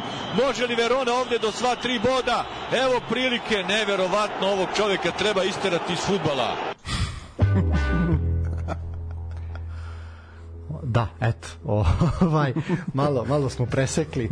Ovaj, šta kažeš ti ovaj na na ovakav? Mislim on nije gafa, ovo je onako jedan ljudski ljudski momenat. Ovaj, pa dok ne uđemo u 30. kolo, kako ti se ovaj kako ti se čini to i kakav je tvoj neki utisak? Jel to treba toga treba više, manje? Ne, ovaj. ne na ovaj način. Spontanih reakcija da, jer svaki komentator je poznat po spontanim reakcijama. Znaš, ali ne ovo, ne možeš ti koji se time nisi bavio teraš nekog iz futbala. To je, je samo na drugi način su radili komentatori ove druge sportske televizije, usko sportske, jel? I znaš kao kad, je, kad su imali premier ligu pa ko je ono bio iz Watforda? Da li Dukure kao odvratan šut ja hoće šta je ovo? Znaš onda pogledaš tog nekog vizuelno ne znaš da radio fizičko. Da. Mislim tako da ne na ovaj način kogod je bio spontan moment ali eto na jedan od naših gostiju imao te momente dobronamerne prema akterima utakmice Tako da mora da se bude dobronameran to da li si ti, ne znam, znači da li ti se neki igrač sviđa, ne sviđa, da li si ti možda čekao tiket ili gol ili nisi čekao u, uživo, ne znam, ali ne na ovaj način. A ono što ajde Evo šta red, za, kako je tvoje mišljenje? Da, pa meni se meni se zapravo ovaj ne sviđa, ali upravo iz tog razloga koji si naveo, ali mi je s jedne strane naš ono kao dobro je da imamo taj neki ono kao naš ljudski moment da to nije samo programirano ono kao da mi prenosi na igrici ono gde sve su znaš ono sad nažalost prvo ima toliko utakmica i toliko svega i toliko prenosa i to se već postao ono šablon po kom se i te neke reakcije su šablonske po kojima se po kojima se sve to radi ali volim da volim da čujem kad i naš ono da tu neku emociju i to sve pa neke ona i ovakva. Ok sad možemo da li ne ja verujem da i samo ono ovaj se možda posle pokajao, ali naš ono nek bude ja znam ko mu je zamerio na tome pa, sigurno. da, mislim, ali znamo čoveka. Da, ali definitivno definitivno znaš, meni meni fali takvih stvari. Ja ću sad iskoristiti ja ću našeg dragog Veru da pohvalim. Znaš ono, čovek se tako proderao na gol Frana Brodića. Znaš ono kao, a to treba, razumeš, to treba. Sad je da. prenosio je e, za vikend je prenosio ja da ga Bože, pohvalim Bože, šta je prenosio za vikend je sad mi mozak stao. Ne vre, ne, ali bilo je ono fantastična utakmica, ono pet pogodaka, ono moglo je moglo bude nerealno šta šta je viđeno kako. Je Osijek lokomotiva? Ne, ne, ne, prenosio ne, ne. je ne, to je France dalje Francuze neki prenosio šta je ne mogu sad mozak mi stao sad Gverać neće nam zameriti ali nije ni bitno viđeni su golovi slobodnih udarca ne Rusku ligu Lokomotivu je radio i pa Lokomotivu i s kim je Lokomotiva igrala čekaj, sad ćemo naći. Uh, b, b, b, b, b, to je bilo juče. Uh, Elem, da, znaš kao, viđeni su fantastičnim golem, ko, to, daj mi toga, znaš, ono kao, malo emocije, malo nešto, znaš kao, osetite tu igru, pa oduševi se, ako je stvarno, znaš, nemoj bude forsirano sve, evo, neka bude oduševljenje. Evo, pa pa ne, ako pričamo o istoj kući, e, znaš li šta ja gledam i zašto gledam u posljednje vreme? ACB špansku košarku Znači, evo, dvoje jedini kole od kad nisu na domaćoj košarci da moraju da mere svaku reč i uzdah, drugi ljudi. Radili su oni ranije ACB, ali sad ne rade uopšte domaću košarku, nema šta da ih stresira. I onda šta se dešava? Dešava se ako imaš sjajne ekipe kakve su Tenerife i Unikaha koji sa malim budžetima igraju fantastično za oko i imaš njih u kabini i onda ide trojka. Da, Orenburg lokomotiva. Orenburg. Ja se izvinja nikako prebaciti se ovaj tako da ne naš ono kao daj brat da, znaš ne kad kad naš ono Nemanja Matić koji ono toliko ono nema veze sa mozgom naš ono to toliko i ono kao drago mi što ono Vlade Mijaljevića više nema nigde. Ono kao znaš kao daj nek ste ih sklonili e, i ovaj koje treba skloniti ali gledaj a sad mi sad kukaju znaš e, govorili su onda kad su, evo konkretno kad je na, naš dragi Nedeljko Kovinjalo ušlo u godine naš, e, jao, sklanjaj ga, daj bilo koga. E onda kad je došao, nađe Nemanja Matić, kad joj, daj, daj, sklanjaj ga. Pa ček, jesi tražio da se sklone neki ljudi? Šta, Da. Tako je. Znači, pazi šta želiš, mož, mo, želiš može ti se ostvari. A pritom, Vinjelo ni- niti je kad bio teatralan, niti zlonameran prema akteru utakmice. Futbalski ili rukomet. I atletike, naravno. Gafovi su jesu dešavali, ali opet mislim da je sve to sastavni Pa deo. ne, ali vidi, znaš kako... ali taj ljudski moment, znaš, e, nažalost je to, ali to je nestalo iz, iz svega, iz radija, iz svega, pa eto iz prenosa, Evo, nema kod- tog ljudskog momenta. nije sve. nestalo i Pa dobro, ostalo je u nekim u nekim momentima ima tu nekih ljudi koji to koji to rade. Ovaj kod ali našeg gosta Sretena nije nestalo. naravno, ali su oni nažalost u manjini. E, većina je formatirana i to je ono što se što se meni jako ne sviđa, to je kao i kad slušaš radio stanice, ovaj da to je sve to formatirano, sve isto, isto tako su i prenosi isti. Mislim nažalost oni jesu kako oni su dobri i profesionalni da. to bez bez greške priprema malo ko ima lošu pripremu sad na bilo kojoj sportskoj televiziji zato što je sve dostupno. ali ali opet znaš mora ono što bi naš dragi Laz rekao šta li se vrzma po glavi zato mi daš Zagorčića to je. A ne, moraš malo biti, malo Jer, biti. Da. e, ali stvar, e, ne, nema smisla ovo što mu vreme radi. Znači, taman je čovek, sreo sam ga, dočekao je da se provozi na bajsu i odmah opet krene kiša i to, dajte nam, znači, samo daj kontinuirano proleće i mene i njega ovaj, ometa ova kiša, ne možemo bajs da teramo. Lazu pozdravljamo, naravno, drago komšiju. Eto malo smo se naravno pozdravi za naše glazu ovaj a malo smo se malo smo skrenuli I, jer ima, da, neki su me pitali, da, i treba da zovemo i neke druge ljude, ali doći će Lazu opet, Naravno. samo da im potvrdi. ovaj e, malo smo skrenuli ovaj eto ovo se nešto onako malo digla se digla se prašina oko oko ovoga, ali eto, ovaj malo smo za to skrenuli s teme, a sad se vraćamo na 30. kolo. Znači kolo kojem je zatvorena a, da kažemo ovaj regularni deo takmičenja u Superligi Srbije i to kolo je otvoreno utakmicom a, mladosti iz Lučana i a, mladosti Gat. A, ono što su ja mislim svi prognozirali, a to je da će biti 0 do 2 ali mislim da nisu prognozirali baš 0-0. Ja sam ovde očekivao prvu pobedu Lalata kao trenera Gata, međutim to se nije desilo. Ostalo je na 0-0, jedna, jedna bitka po blatnjavom terenu. Uh, mislim da nije još jedna sačuvana mreža Saše Stamenkovića. apsolutno eto drugi klinši zaredom. Ovaj mislim da ni jedni nisu baš nešto preterano zadovoljni. A, što se tiče Lučanaca, eto ostaju jedini tim u Superligi bez triumfa u drugom delu prvenstva, dok eto Novosadska mladost je pobedila samo samo Partizan. Miša Kosanović više nije trener mladosti, on je nakon ovog meča ovaj napustio klupu Lučanaca. Eto bio je samo 20 dana trener i eto za to vreme njegov tim, tim je na tri meča osvojio dva boda treći šef stručnog štaba Lučanske mladosti u ovoj sezoni je Tomislav Sivić kojem je ovo treći klub koji predvodi ove sezone što je zaista onako malo i neverovatno Nek nam da, bar oni vatromet iz Niša sa golovima da. s početka sezone, pošto je baš dosadno u Lučanima. A, da li će Tomislav Sivić moći da spase Lučane, saznaćemo u play-outu, a boga mi biće, biće bitka onako ozbiljna. Inače, ovo je 27. promena trenera ove sezone u Superligi Srbije, što je poprilično jeziva brojka, ako uzme obzir imamo 16 klubova ispod proseka. ali može se reći ispod proseka. Ova, e sad imamo tri kluba samo nisu e, menjala menjala trenere, a to su e, Radnički iz Kragujevca sa Joksimovićem, Čukarički sa e, Kerkezom i ko je treći klub? Ko nije menjao trenera? TSC. i TSC sa Žarkom Lazetićem. Tako je.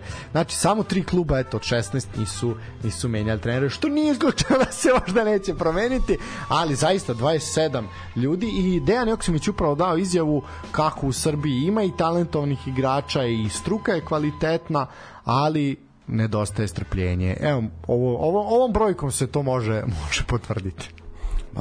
Ja se nadam da će ga za njega imati u Kragujevcu. Ako je neko zaslužio on je. To definitivno. Ne, ra, radnički stvarno, znaš zašto? Zato što imaju dobar pristup i na domaćem i na gostujućem terenu. Dođu da se nadigravaju. A da, je, stigla je poruka vezano za uh, da, za Nedimovića i ovo za Čukarički. Pa, to ćemo kad dođemo do Čukaričkog. E, idemo ka tome. Da, Sad ćemo. idemo ka tome, polako, imamo... Tek smo na pola. Da. Uh, samo sekundu. E, dobro. Što se tiče uh, Gata i Lalata, uh, izvučenje, moram da pohvalim stranicu ovaj Fust na, na Instagramu koja se bavi statistikom ovaj, Sve pohvale da neko na taj način Da, gleda naš futbol. i to je ono što fali onako zaista eto uh, na oni i evo sada i mi na ovaj način koji radimo već dve godine ovaj zaista je to nešto što nam je potrebno. Tako da ću ja sad iskoristiti njihovu njihov ono što su oni izvukli tu statistiku a vama poručiti da ih zapratite na Instagramu. Uh, statistika Lalata protiv ekipa u play-outu pa kaže ovako, protiv Lučana u, jed, uh, u Lučanima, znači u gostima na 11 utakmica čak 7 remija. Uh, napredak kod kuće na 10 utakmica 7 pobeda. Uh, radnik Surdulica u gostima isti broj pobeda i poraza. Spartak kod kuće 7 pobeda na uh, 12 na 12 utakmica. Javor u gostima jedna pobeda a, više od poraza, a Kolubara kod kuće čak četiri remija na šest utakmica. Što se tiče utakmice protiv Radničkog iz Niša, tu je bilo a, onako šareno i pobeda i poreza i nerešenih i svega je bilo. Tako da pozitivan skor Lale ima protiv Krušeca i protiv Spartaka. Tako da biće, biće nezgodno, biće nezgodno, boga mi. Liga za bedaka, O, o, ovo je rekao je on da je to nemoguća misija, ali meni se stvarno malo tako i deluje. Boga mi, boga mi.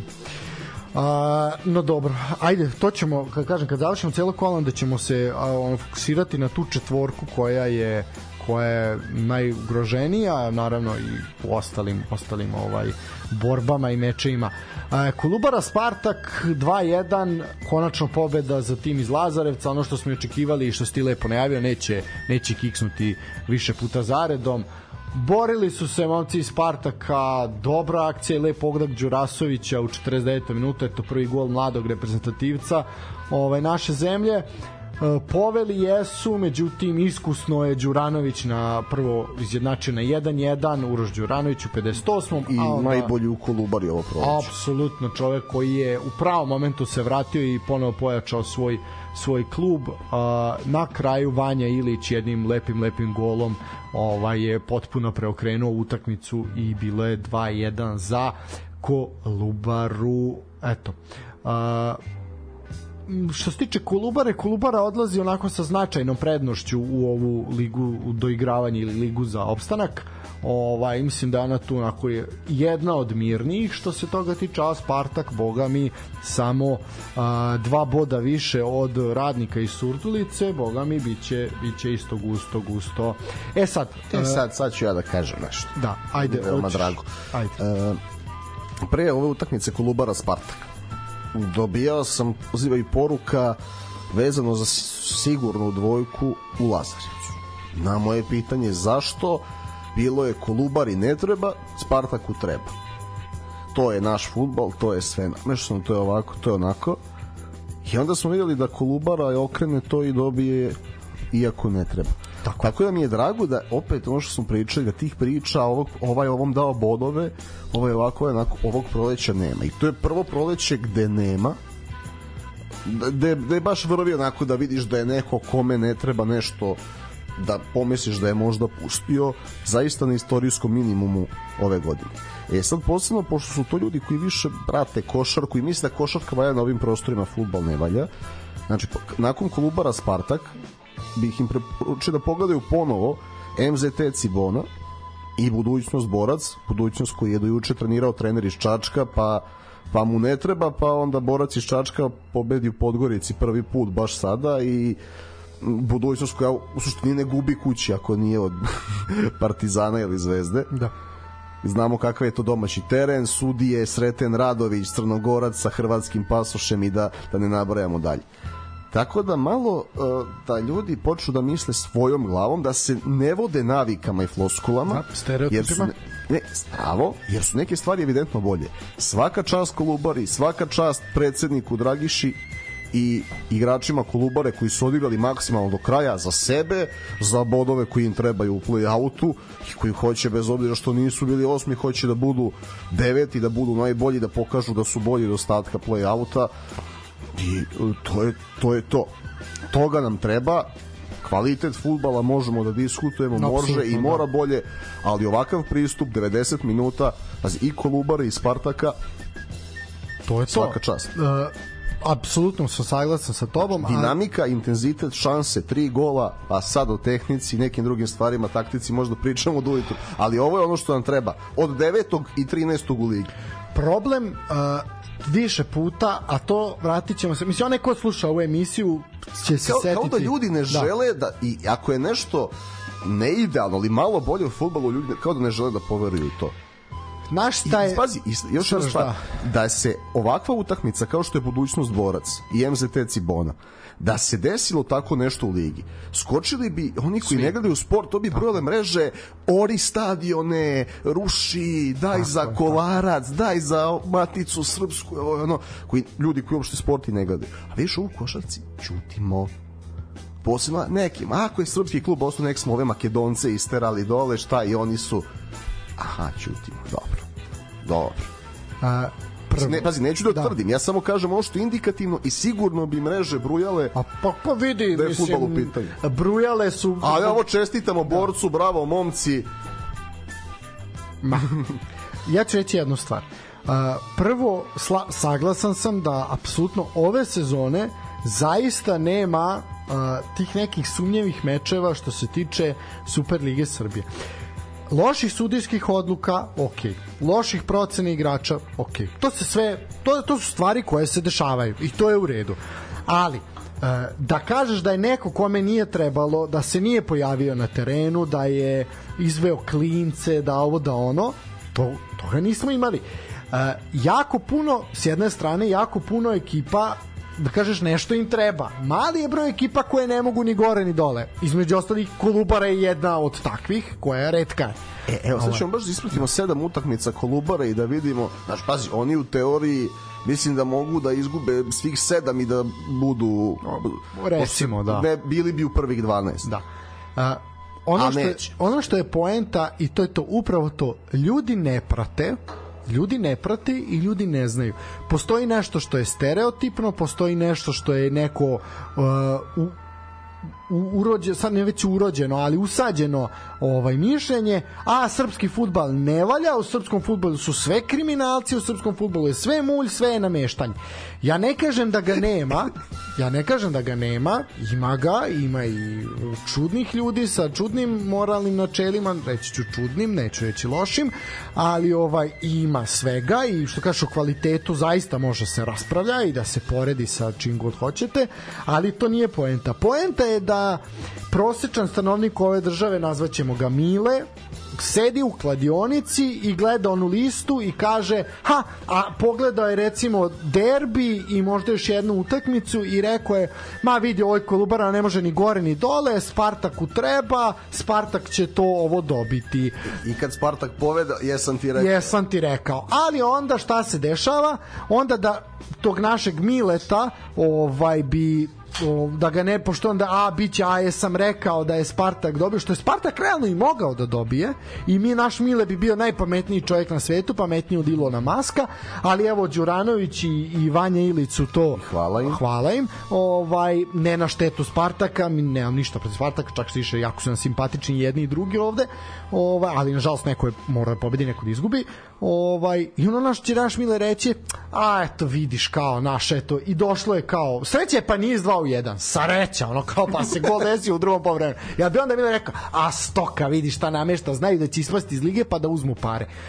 Kako god okrenu kako god to kreneš ne valja ništa. Ali to jeste poenta i i mnogi, stvarno ima, ono, primetio sam, da li sad, možda ja to otkrivam kako sad mi radimo sve ovo više, pa smo postajemo aktivniji na mrežama, pa ja otkrivam sve više stranica, ali zaista se pojavljuju sve više stranica na Instagramu, na ljudi na Twitteru koji pričaju, izlače nešto pozitivno, ono što i mi radimo i zaokupljamo celu tu priču ove dve godine. Znači, moraš te pratiti, pa onda možemo reći, e, ovo je dobro ili ovo nije dobro ili ovde će se možda desiti to ili neće desiti to. Činjenica je da ni mi koji za koji nas ovde naši ovaj najbliži smatraju nenormalnima koliko ovo pratimo, pa ne možemo da pogodimo sve ishode meča. Pa da je to tako da je ceo svet znao da će Spartak pobediti, pa mislim onda ne bi se igralo. Mislim, malo je to naš, ali to je... E, a znaš kako, evo sad ću, e, pričali smo sad o ovih koliko puta je bilo 0-0, da je neko trebalo da pobedi, pobedio bi po onakvom terenu. Apsolutno. Ali po vrlo velikom broju nerešenih rezultata vidiš bolju regularnost lige što, pazi, ne odgovara nikom, ne žele 3 za 3, nismo ni mi izmislili, nego neko drugi. Da. Mi smo ga samo loše primenjivali i su više očigledno u nekim periodima onakon raspada više države. Ali e, hoću da, da se dovežem na što si rekao. E, Jürgen Klopp, e, na, sad ne znam da li je bilo nakon osvojene titulu Premier Ligi ili Lige šampiona kad su ga pitali kao, pa eto, nekako ste vi delovali od starta kao optimistično gospodine Klop, niste burno reagovali šta je on rekao? Kaže, pa ja, znate kako, ja sam malo situaciju pravio boljom nego što jeste dok stvarno nije postala dobra. Tako i mi ovaj naš futbal, ajde ono što je pozitivno je. da poguramo, dok ne bude stvarno bolje, da možemo da budemo zadovoljni. Ja, ja slažem, ja ne kažem da, da ne treba kritikovati kad se nešto loše desi. Treba kritikovati, ali ne treba kad kritikovati u napred. A, a to? Aj, ali, ali, ali, ali nešto da to kaže, veruj mi, šta god je neko rekao, samo u Srbiji, ništa nije samo u Srbiji. Apsolutno. A jel, jel Voris Karius čovjek s depresijom bori, znači ne može zbog, zbog jednog gola da na najvećoj sceni i ono kao, kao joj, znaš, i sad treba, pošto je treći golman Newcastle, zato što je prvi se povredio, drugi je Dubravka pozajmen iz Manchestera i kao joj samo nemoj onda ani znači a ne znaš pazi čovjek je možda u treningu, možda u formi, možda će da odbrani penal, ali ti po tom stereotipu iz 2018. ma samo nemoj njega i to je milion komentara, pa još ovi Saudici koji su počeli da gledaju Newcastle zbog vlasnika i onda na onim hieroglifima vidiš one hieroglife i Karius u tweetu i šta on dečko Šta ćemo da mu propaštavamo život? Ili Kariju Maguire-u, zato što pa nije on sam sebe platio 80 miliona. Da. I onda kad pogreši, ceo svet se ostrvi na njega jer je Manchester globalno najpopularniji klub. I, znači, to nije samo kod nas. E sad što ti ne možeš da tek tako da priđeš Hariju Maguire-u fizički, a da mogu, verovatno bi i to radila stoka. Naravno. A ovde možeš Filipu Kljajiću, to je nešto drugo. Ali, Znači, svuda se dešavaju loše stvari i na mnogo više nivou, za mnogo više novca, tako da postojite ljude ove da se bave uh, futbalom, da imaju pravo i da pogreše. A imam za tebe jedno pitanje, pošto si bio u Lazarec i si se dok Jel bi ti smeo da pitaš Dragišu da ti pusti utakmicu? Ko bi to sve? to je odlično. Ajde, zamisli to. Zamisli dođeš i uđeš. Pa ne bi, ne bi izašao, mislim, ok, izašao bi živ, ali, ali škaš plino biti.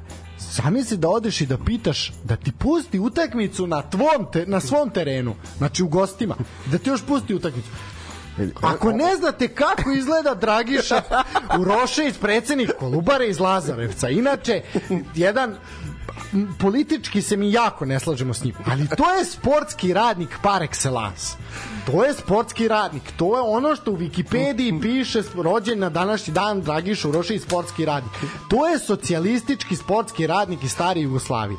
Ljudi, ukucajte ajde, pitajte njega i Slavka Petrovića, da li da li, ja bi vi mene pustili kao što, kako je Terzić radio? To je najjadnija stvar na svetu je kad je uh, Zvezdan Terzić teo da namesti utakmicu proti Bačke Palanke. Jebote, igraš proti Bačke Palanke igraš ligu šampiona ili ligu Evrope ali na, na, koliko na plus koliko od Partizana Čekaj bre, ideš u goste Bačkoj Palanci i zoveš, e, jel vam trebaju lopte, jel vam treba oprema, sve će oni poslati, ali vi nemojte zapinjati. protiv I ovi Bačke, ovi zapnu. Pa, mislim, ali protiv Bačke palanke, ono kad ste, no, ne, opet kažem, ne unižavam Bačku palanku, ne ali jebemo koga. mater, ovo je šampion. Znaš, ono kao, pa ste normalni. E, pa jedan, pa koliko jedan Dragović košta kod cela Bačka palanka. E, nije on tad igrao, ali ko je bio? Sa sve sintelonom i fruktalom, je ono, bio. mislim, da, torketom, da, pa mislim, ono, kao ceo grad.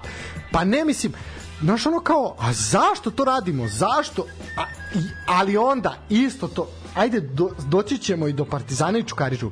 Isto to su isti ljudi odmah uradili nakon te utakmice. Odmah minirajte stadione, razorite, ovo, ono, ne valja ništa, sve je sranje je zbog jednog incidenta. Zbog jednog incidenta koji se desio. A šta, pa šta on, jel treba onda da prerati stadione u Francuskoj? Kol, koliko utakmica Francuske lige je odloženo, prekidano, nastavljeno Šta su završeno radili za u četiri prethodne sata? dve godine? Šta su radili u prethodne dve godine? Imalo je 50 više, 50 puta. A šta, šta da pričamo Frankfur, a, navijači Frankfurta u, u Napolju? Video si, razorili su grad. Razoreno je bilo. Uništi, gorelo je. Hoćemo, hoćemo ugasiti ligu šampiona zbog toga. Pa Nećemo. Pa mislim, sulude stvari. Pa šta je bilo na finalu Lige šampiona? Šta je bilo na finalu Jel Lige te- Jebote, da, Šta, da, mislim- ga- da gasimo i Real i Liverpool? Dobro, može Real, ajde, ali, ali A ne, znaš, ono kao, aj prekinite, ono, ja ne, znaš, ono kao, ja ne kažem, puno uh, velika svota novca odlazi tamo, sve to u redu, postoje druge stvari koje treba da se finansiraju, sve to stoji. Ali ja bih moleo ljude da koji ne prate, aj nemojte srati. A, to tako narodski kaže. Znači, nemoj, ako ne pratiš, ako ne znaš, nemoj. Onaj ko, da sad dođe, kad dođe mm, novinarska, trenerska, igračka veličina, kakvu god. Da kažeš, vodio je čovjek tri kluba u Superligi Srbije, bio je igrač ili je bio novinar 30 godina, pa kaže, znate šta ljudi, ovo ne valja, ovo treba uništiti. Onda možda kažeš, ok, aj sad možemo diskutovati s njim. Šta je onda diskutujem s nekom... evo ti primjer, jel bio Lazo Bakmaz ovde? Bio je. Jel čovjek bio uh, sportski novinar 40 godina. Ne, jel bio novinar kad se igrala bivša kvalitetnija liga, jel je. gledao uživo i Sinišu Mihajlovića, i Piksija, i Savićevića, i Vokrija, Istina, istina. i Šukera, i sve redom. Ako on, koji se naviknut na to, uh, ne kaže da je naša liga smeće, a mnogo je lošija nego što je bila tad, onda ni vi koji ne gledate, nemojte da pričate o njoj. Ali, znaš kao, ako si e, problem su opet društvene mreže gde ti možeš da budeš attention whore i sad ja dešava se nešto loše, sad ću ja da opljujem, ja ću sad, znaš, kao, bitno, samo je bitna pažnja i opet je bitno prikupiti koji like ili nešto ili nešto drugo. To je uvek želja da se bude deo većine. Pa naravno. Ali kako je jedan grčki filozof rekao, kad vidim da svi baš su naš napadaju jednoga, e, onda ću ja stati da ga branim. Jer baš naš ako ga cela većina napada, onda baš je jasno da tu nešto nije dobro. Taj grčki filozof sam ja kad je u pitanju Lalat. A to sam te upravo da kažem, znaš, ono, ako svi, ovaj, znaš, ono, kao, ako svi napadaju, napadaju Lalata, ja ću mi da stanemo da ga branimo. I onda, znaš, stiš Borik, a što pravite od Pajsera? Nešto. Pa, eto. Ajde, Ja, ja se s njim ne slažem u 70% A, no, stvari, i više, ali, ali, ali, o, da. ho, branit ću njegovo pravo da se, da se ne slažem s njim. Pa, pa naravno. Pa tako je. Ja, znači, ja mogu da se ne slažem sa mnogim stvarima, ali jebi ga, znaš, ono kao, ajde, pustite ga da živi, mislim. A, hajmo dalje. E sad, utakmica od koje si ti mnogo očekivao i sad mene zanima šta si ti video i kako si zadovoljan. Crvena zvezda, Radnički Kragujevac. Treba reći da je Radnički bio u okrnjenom sastavu, da li je mogao više da izvuče u takvom sastavu, to je pitanje, ali meni deluje da je to bio častan poraz.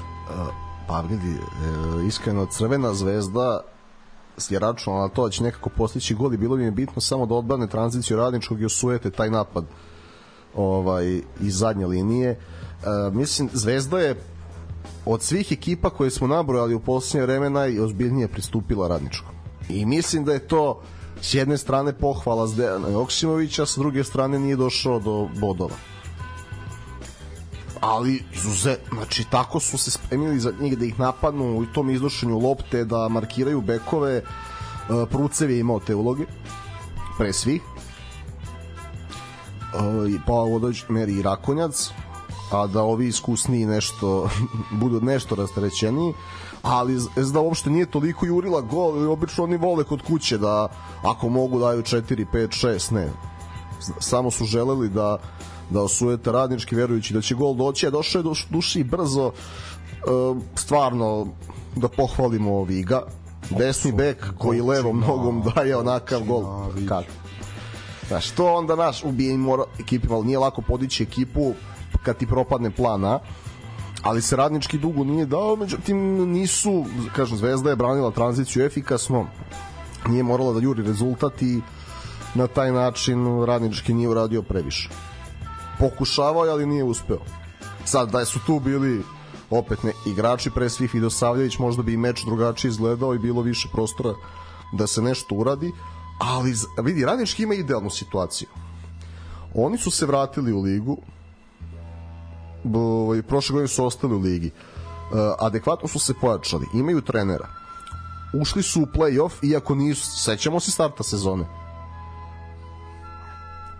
I ovaj, trebalo je vremena prvo da se uopšte vidi ta ideja, pa onda da se ideja realizuje. Ja nisam ideju video od prvog kola, moram da priznam. Ali, kad sam se ubio, malo više i gledao, skrenuo mi je jezda pažnje neke stvari, vremenom su me i tekako demantovali. Ušli su, imaju idealnu situaciju. Oni ne mogu u Evropu. Jer su se uvukli na osmo mesto. Imaju sedam legitimnih protivnika da uvežbavaju sistem igre za narednu sezonu, da vide gde su kratki, da se opušte odigravaju, da uzmu još bodova i onda kažu aha na leto imamo sta, novi stadion, imamo neka sredstva, imamo trenera, imamo kadar, gde se još pojačavamo, ajmo još jače. Imaju idealnu situaciju u odnosu na ono gde su bili. Tako da ja, ja ću gledati u play-offu i sad baš, baš treba da budu rasterećeni, da probaju nešto novo. Nema veze. Izgubiti od Zvezde 3-1, ali da taj jedan gol bude nešto novo što ćemo mi da vidimo i da kažemo ljudi, Bravo, svaka čast. O, u Kragovicu se igra futbol. To je to. Da. Mislim, mi možemo reći da se u Kragujevcu igra fudbal već sad. A kako se igrao fudbal i u nižim ligama, znači da. kada čovjek bio vatren teren, Naši ljudi, posebno uh, ljudi koje poznajemo iz tih krajeva, uh, Kraljevo, Kragujevac, Čačak, Užice, to su bili lokalni rivaliteti u tadašnjim drugim ligama, trećim, proto je bio pun stadion koji god rang da igraju. Apsolutno. Drugo, ima, ima, znači tamo je bilo i dobri škola futbala i trenera, oni su radnički umeo da beleži izuzetne rezultate u mlađim kategorijama i da daje juniorski i kadetski reprezentativci koji već onda završe u nekim drugim klubovima pa onda se ne kaže da je to dete radničko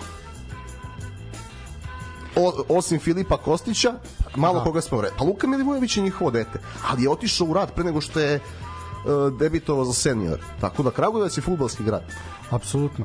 A sad, aj stigla jedna poruka, a samo da kažem, znači, uh, da kaže, da spomenimo livade na kojima se igra. Ok, zaista su tereni loši, i, i u prvoj ligi Srbije su jezivi, u Super ligi onako ima i dobrih i loših, ali uh, kaže ne bi smeli da presmrde ni drugoj ligi dok ne napred dve tribine, veštak i reflektor.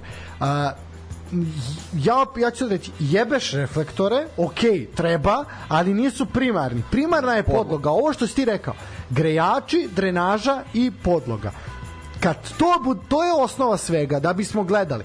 Pa onda možemo kao Slaven Belupo da imamo samo jednu tribinu pa nema veze, ne gledamo u drugu stranu u reklame. Imaćemo jednu tribinu, ali se igra nešto što je gledivo i može treneri poput Joksimovića protiv poput Lazetića i tako dalje i tako dalje e, mogu da mogu da ovaj da nešto nešto pokušavaju da to i liči na nešto. Ili na primer Jandrić što je pokušavao u Indiji pa i u Voždovcu pa mu nije išlo ovaj jer nije mogao da se nametne i tako dalje i tako dalje. Znači ovo namerno spominjem jer je Jandrić imenovan za trenera ponovo u prvoj ligi Srbije i to je zaista a inače za, sad mogu da kažem za slušaoci Jandrić je bio opcija za mladost gata ali je pao dogovor s Laletom. Tako da ne može da mi bude žao, ali i da, da je Andrić došao. No, apsolutno. To bi mi drago. Tako da, Tako da... ono, ok, trebaju tribine, trebaju, sve treba, ali ajde primarno da napravimo. Prvo, prvo podloga. Prvo pa onda je, reflektor treba da, da imaš tu opciju da uveče, petkom ili ponedeljkom uveče zabaviš narod. Ponedeljkom kad nema ni kafane, pa bolje da odeš na neku utakmicu Apsolutno nije problem. A onda se neće igrati utakmice petkom u 15 časova, nego će biti petkom što si rekao u 19.30. Znači, ali ljudi prvo mora podloga, prvo mora da to liči na nešto. Pa reflektore može i montažne. Koliko godina jebote su na Karadžu stavili montažni reflektor? Pa mislim, može, sve može.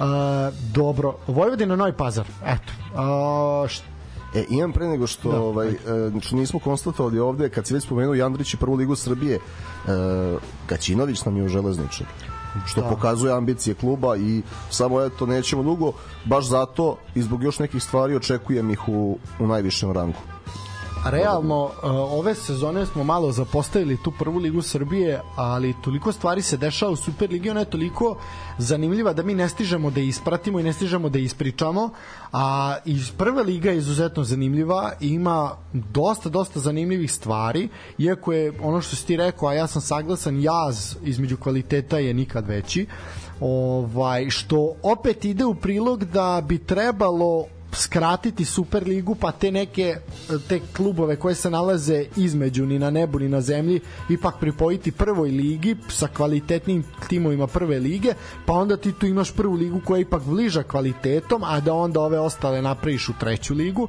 i tako dalje i tako dalje ali to je sad sve nešto što je baš onako neizvodljivo na, zbog više stvari.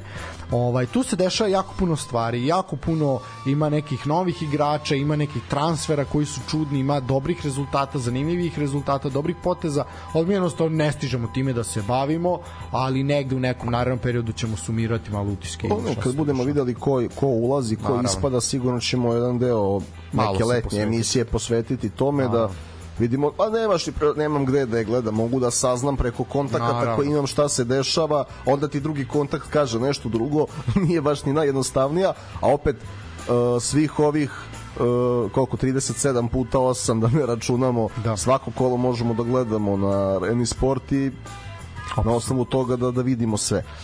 E, Vojvodina je Novi Vojvodina Pazar. Novi Pazar. Uh, 2-0 je bilo za Vojvodinu. Kakvi golovi i Čumića i Uroša Nikolića ponovo, eto, ovaj drugom kolu zaredu postigao pogodak čovjek. Uh, potpuno zaslužena pobeda Vojvodine. Vojvodina ovom pobedom overila peto mesto mogu reći ozbiljan korak ka Evropi, ali ajde, ima još dosta da se igra.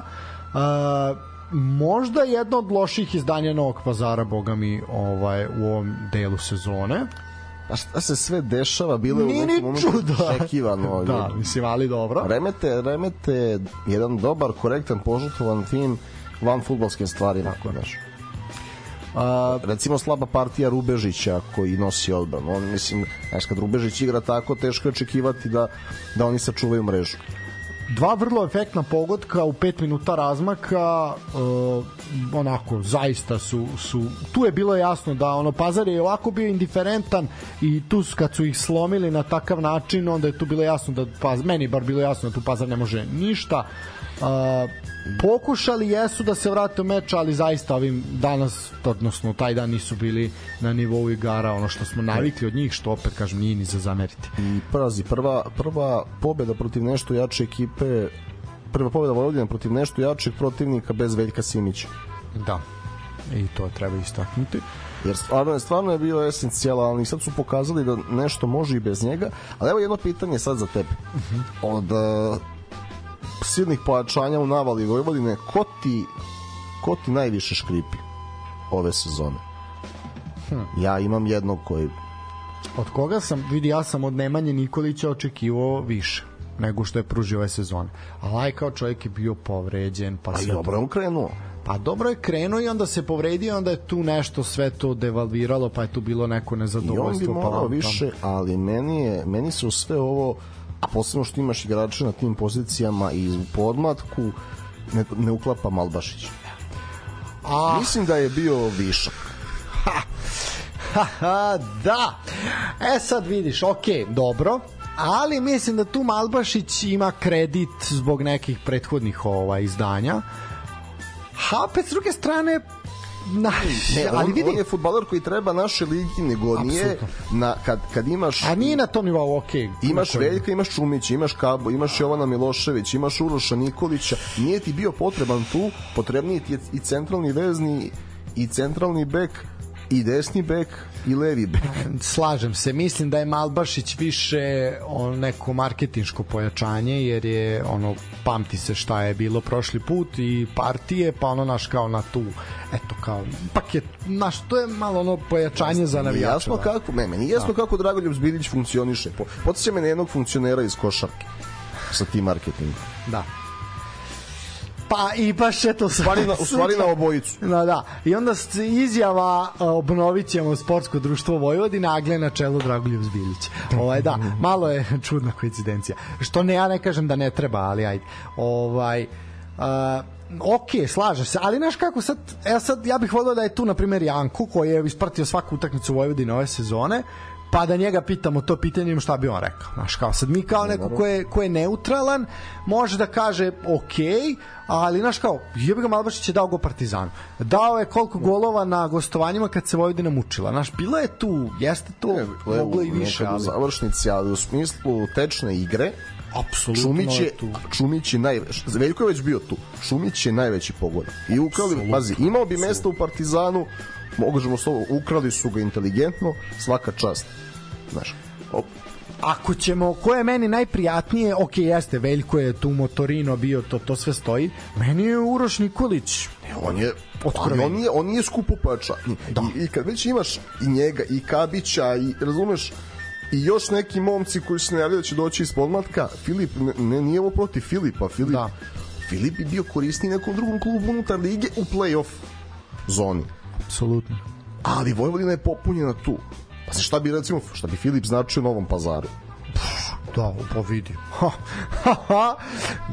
Da, da, da, da. Pa vidi, značio bi ko što... Voždovcu kao jedan iskusan Evo, igrač. upravo sam teo da kažem. Radničkom iz Kragujevca isto. Da. Vidi, apsolutno da ali malo je tu problem i ta prodaja ovog Miloševića razumeš? I gde su odmah rekli ljudi nećemo da ga razigravamo za druge, zašto bi mi to radili? Ali da nije prodat definitivno bi imao više minuta i verovatno bi igrao pre igrao pre ovoga. Ali ovako mislim razumem taj taj E, ako, potez ako nešto imaju, imaju, trio, imaju taj trio iza špica, popunjeni su. da. I ok, bio je pokušaj s Filipom na 9, pa hoće desno, hoće levo, nije samo ni do njega, nego u tom smislu njega sam više očekivao shodno sigurno nekoj plati koju on ima. Da. Drugi je Taki, ali pazi, Veljko i Taki su bili sve što je bilo na jesen, dok Čumić nije došao, spremio se, podisao, sve je bilo su, vukli su. do njih. E onda naravno Taki uvek mora da ima neku povredu. Ali vidjet ćemo ima tu sad i sa Veljkom ugovor da li će da ostane, neće da ostane ali evidentno da će u evropskim kvalifikacijama koje ja očekujem Nikola Čumić biti vođa ekipe. Apsolutno. Uh, dalje idemo na Voždovac TSC. Uh,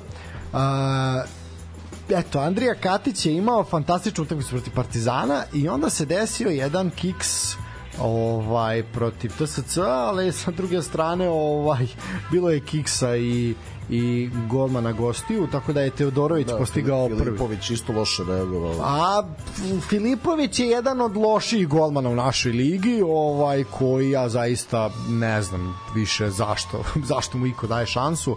Po meni on daleko već i već dugo dugo vremena nije kvalitet za Superligu Srbije. Ovaj realnije je da sreću traži negde, ako ne Napolju, onda u prvoj ligi, tu je negde, tu mu je mesto. Ali dobro, ovaj sve u svemu u play-outu, ako ne. Pa, u TSC-u, možda u pa sad kad Javoru, vidiš, kad možda vidiš, u Javoru. Kad vidiš Veljka Ilića i onda a, baš, baš je razlika. I svi ovi golmani, i Voždovca i Kragujevca. Ja ga ne vidim osim možda u Javoru da možda brani. U što se tiče Superlige. Ali dobro. E, Teodorović u 13. minutu, Saša Jovanović ponovo. Ka gde je Saša Jovanović, tu je Petar Ratkov, neverovatno. I na kraju, eto, pomalo zaboravljeni Martin Mirčevski ovaj je stavio tačku na i. Uh, Katić je imao grešku mi smo, ti i ja smo pričali o tome ja moram stati u odbranu Katića, ja ne mislim da je greška namerna, ne misliš ni ti ali ja mislim da Katić njega nije video ja mislim da njega nije video da on njega video kasno i onako on je zategao da to da tu loptu izbije, ali ovaj je bio brži. Tak pričamo o dečku koji je 2002. godište, želeo da ostane dosledan viziji Naravno. trenera to. i pogrešio i, i dao povoda teoretičarima zavere da da pričaju to što pričaju TSC je svakako bio na putu da pobedi i po, i po rezultatu Ovo, a eto, pomenuo si Mirčevskog, koliko je TSC napravio odmah kao da je Mirčevski sada toliko spored. Da.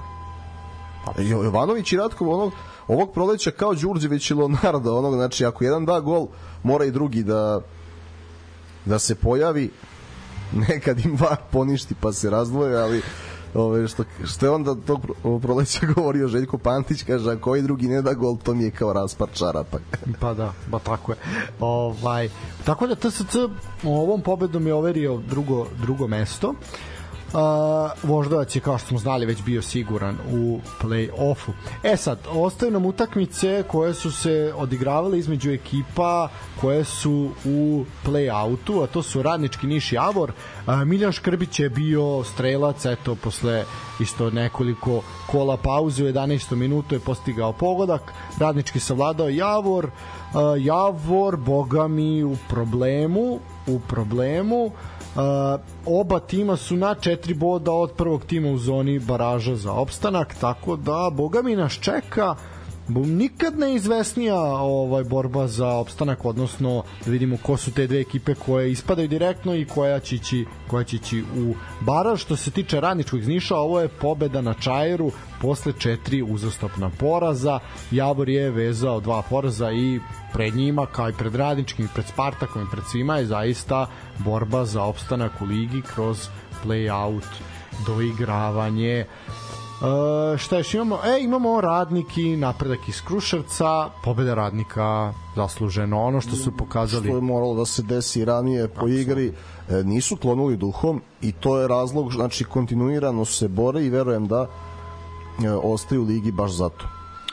Dobra igra I kakav gol, ali kak, koliko je lakše, koliko lakše podišu kad daju gol, kakav gol Andrije Radulovića, mogli su još da daju, ali e, taj dečko stvarno do godine ili da ode u ekipu koja ove godine završila u play-offu, vidjet ćemo šta su zvezdini planovi, ili će možda i sam radnik ako ostane ponovo da bude član play-offa ali neko ko apsolutno ne zaslužuje da igra sedam utakmica u play-outu, po svemu prikaznom da. i za gat i za radnik. Apsolutno, apsolutno.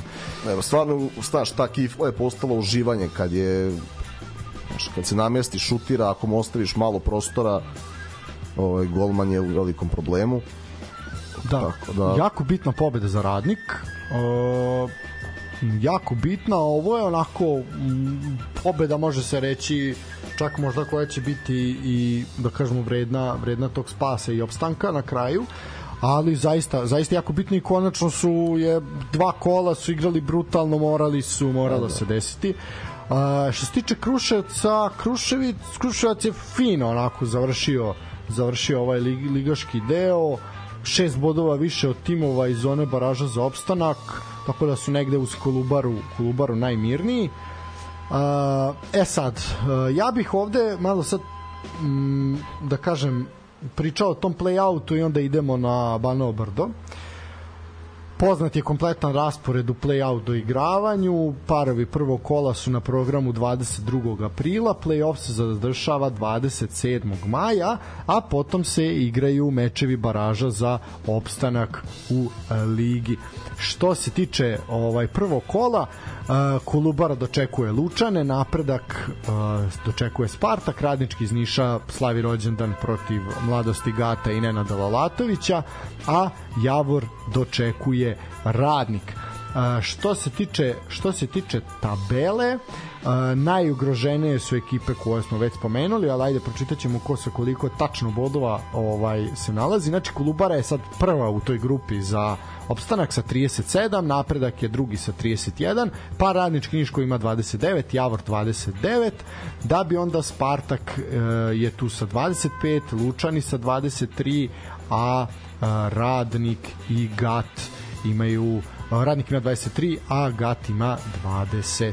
Tako da eto, vidjet ćemo već to prvo kolo može da donese da donese neke neke promene. Hoćeš da odmah ovaj tipujemo a, tipujemo kolo i prognoziramo ko ide u baraž, Može. ko ispada. Pišem pa ćemo vidjeti gde smo. A, znači, pa ćemo ako... na, na ovo, na, znači, na ovu prognozu sadašnju ćemo se osvrnemo na kraju sezone Tako. da vidimo. E sad, znači to je 31. kolo ili ti prvo kolo Lige Bedaka za Bedaka Kolubara Mladost Lučani.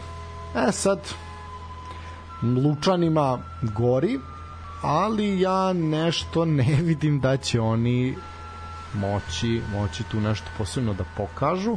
Sad ću ti reći tačno u koje vreme se igra, pošto je izašla satnica poznata satnica. Evo ga, uh, Kolubara mladost je petak od 19 časova. Cats X i 0 do 2. Dobro, 0 do 2. Ja ću reći mm, PK, PK1 a, polovreme ili kraj. A, dobro, a, imamo uh, radnički niš mladost GAT. To se igra u petak od 17 časova što ja mislim da je zaista kriminalan termin s obzirom da se slavi rođendan u Nišu i da je pritom dolazi Lalat ovaj da je to moglo da bude ispraćeno sa više ljudi na tribinama ovako će to vratno biti pusto. Ovaj šta ovde očekivati? A, očekivati hm, 0 do 1 prvo polovreme i 0 do 2 drugo. Vidi ovako ja ću ti reći 3 plus ovde će goreti zemlja ovde mora da gori. u smislu intenziteta da, ali...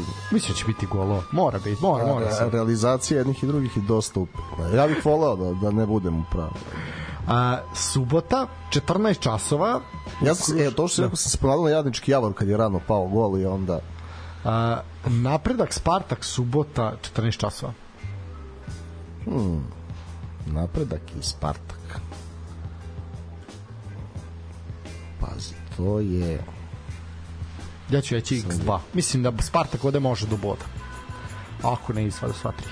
O, pa meni je tako nešto, viš sam nekako... Neka bude X2 i 0 do 3. Dobro. A, to je subota, a nedelja 16.30 Javor Radnik. Uf, o, ovo je utakmica 40 faulova. pa PK2. Mislim da ovde Javor mm, biće, biće gusto. Moga mi teško, oni to mogu nešto. Možda Javor možda da gol, to je maksimum. Ali mislim će Radnik dati dva.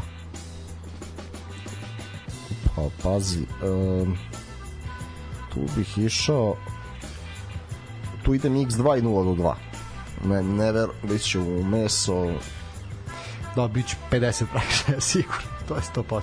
E sad, dobro. Uh, pročitali smo tablicu, pročitali smo kako to izgleda. Uh, šta kažeš, ko ostaje, ko ispada? Ovako, Kolubara i napredak ostaju tu od tog 9. 12. mesta, a sa njima mislim da to čine radnički Niš i Spartak. Dobro, znači to je, dok što kažeš ovo što je... Od 9. do 12. Od 9. do 12. Dobro, a ispod? Mislim da će, iako ne briljaju, sigurno da će radnički Spartak, nešto je, oni znaju dugo da igraju loše, ali kad igraju dobro, oni pobede. Znaš, i uzmu tri boda, ne uzmu bod kao neke druge ekipe. Javor i Radnik idu u baraž, a dve mladosti ispadaju. Dobro, ček da napišem. Znači, uh, rekao si, ispadaju direktno Radnik i Gat. Ne, uh, Lučani i Gat. Gat i Lučani, izvini. Gati Lučani. Pri čemu bih očekivao da možda Lučani završa 16, a Gat 15 da izvisi nešto za bod. Dobro, a kaže mi doigravanje? I Radnik i Javor. Javor i Radnik. Pri čemu, pazi, na kraju mi liči da ako Radnik sad bude čista dvojka, Dobro. da će Javor da bude 14, a Gat 15, da će Javor i Gat ovaj možda i međusobno odlučivati ko ispada, ko ostaje. A radnik mi je viđen na 13, iako je u boljoj formi od nekih ispred, zato što jel, zaliha je mala iz jesenjeg dela i ono će ih koštati, onaj surovi niz neuspeha, ali radnik vidi, radnika u baražu mislim da niko nema šanse. Apsolutno. Iz prve ligi. Pa ni protiv Javora, čak možda ni Gata, ali ja, ja stvarno očekujem da superligaši dobiju baraž i ostanu. Apsolutno. E ovako, moja četvorka su Javor, Lučani uh, i Gati Radnik uh, s tim da ću ja drugačije poređati odnosu na tebe. Ja mislim da direktno ispadaju uh, Lučani i Javor. Mislim da će Da, desit će se to. Ali ti, I ti to... kažeš za Javor 15, eventualno 14, ja da, kažem 14, da. eventualno 15. Znači Lučani definitivno 16.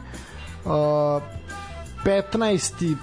mm, Javor mislim biću bliži Javoru e sad 13. i 14. će biti 13. verovatno radnik a Gat će biti Gat će biti 14. i ja mislim da oni da oni opstaju. Sad bit će zanimljivo ako budemo videli Gat i RFK recimo u, u tom baražu, ali, ali ajde. Pa, meni vuče ova Mitrovica da će biti tu sa grafičarom, s tim da grafičar mislim da gubi lagano, a da će Mitrovicu malo više da zanima to. Da. Pa ja Ovako mi deluje da. sad. Vidjet ćemo, tu ćemo... IM, IMT ima nekako preveliku zalihu da, da bi... Da bi mislim da, da, da, da železničar može da završi prvi, ali da IMT ulazi kao drugi. Sad koliko će sezona da se zadrži IMT u najvišem rangu, to je dobro pitanje. Mm, Ja bih otvorio pitanje da li će IMT uopšte igrati Superligu. E da, to je sad ono... Da, to je pitanje koje onako treba otvoriti. Elem, dobro, ovo Ali, smo... iz ne, neki krugovi najavljuju da, da oni imaju kao ambicije da igraju. Mm, ja verujem da oni imaju ambiciju, ali ja nemaju gde da gde da igraju, to je, to je Ma problem. znaš li, to ako, ako, ako oni ne žele da prepuštaju mesto ili da prave neka fuzionisanja, onda onda će nekako da igraju. E sad, uh, dolazimo do, ovo smo play-out i ovu borbu za opstanak smo pričali, o njoj ćemo svakako pričati jer je zaista ovaj jako, jako zanimljiva. Ali dolazimo do meča koji se uh, odigrao, odnosno nije se odigrao ovaj, na Banovom brdu. Uh, to je onako za sam finiš sad da, da izgorimo, izgorimo tu. Uh, svi ste videli, sada mi tu nešto posebno prepričavamo, 21. minut, 21 minut je odigran, danas se pojavila vest, mada zaista nije još uvijek zvanično, ali svi su objavili, pa verujemo da će tako i biti, da u četvrtak od 17.15 se uh, nastavlja duel između Čukaričkog i Partizana, ovaj put pred praznim tribinama. Videli ste svi šta se desilo, konstantno prekidanje uh, utakmice od strane navijača Partizana, koje se koji se mislim uh, mene su ljudi koji ne prate toliko pitali šta se desilo i onda se ja to objasnio ovako znači nisu oni napravili bakljadu da su oni upalili 100 bakli pa prekinuli utakmicu pa okej okay nego je to bilo konstantno ubacimo baklju dve, redari, sudija prekine, redari uđu sklone, pa opet ubacimo baklju dve, pa tako i tako dalje i tako dalje.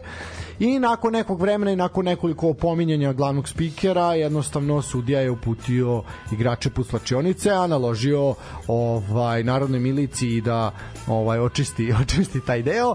E sad, a, da li je upotrebljena prekomerna sila ili nije, to se može diskutovati.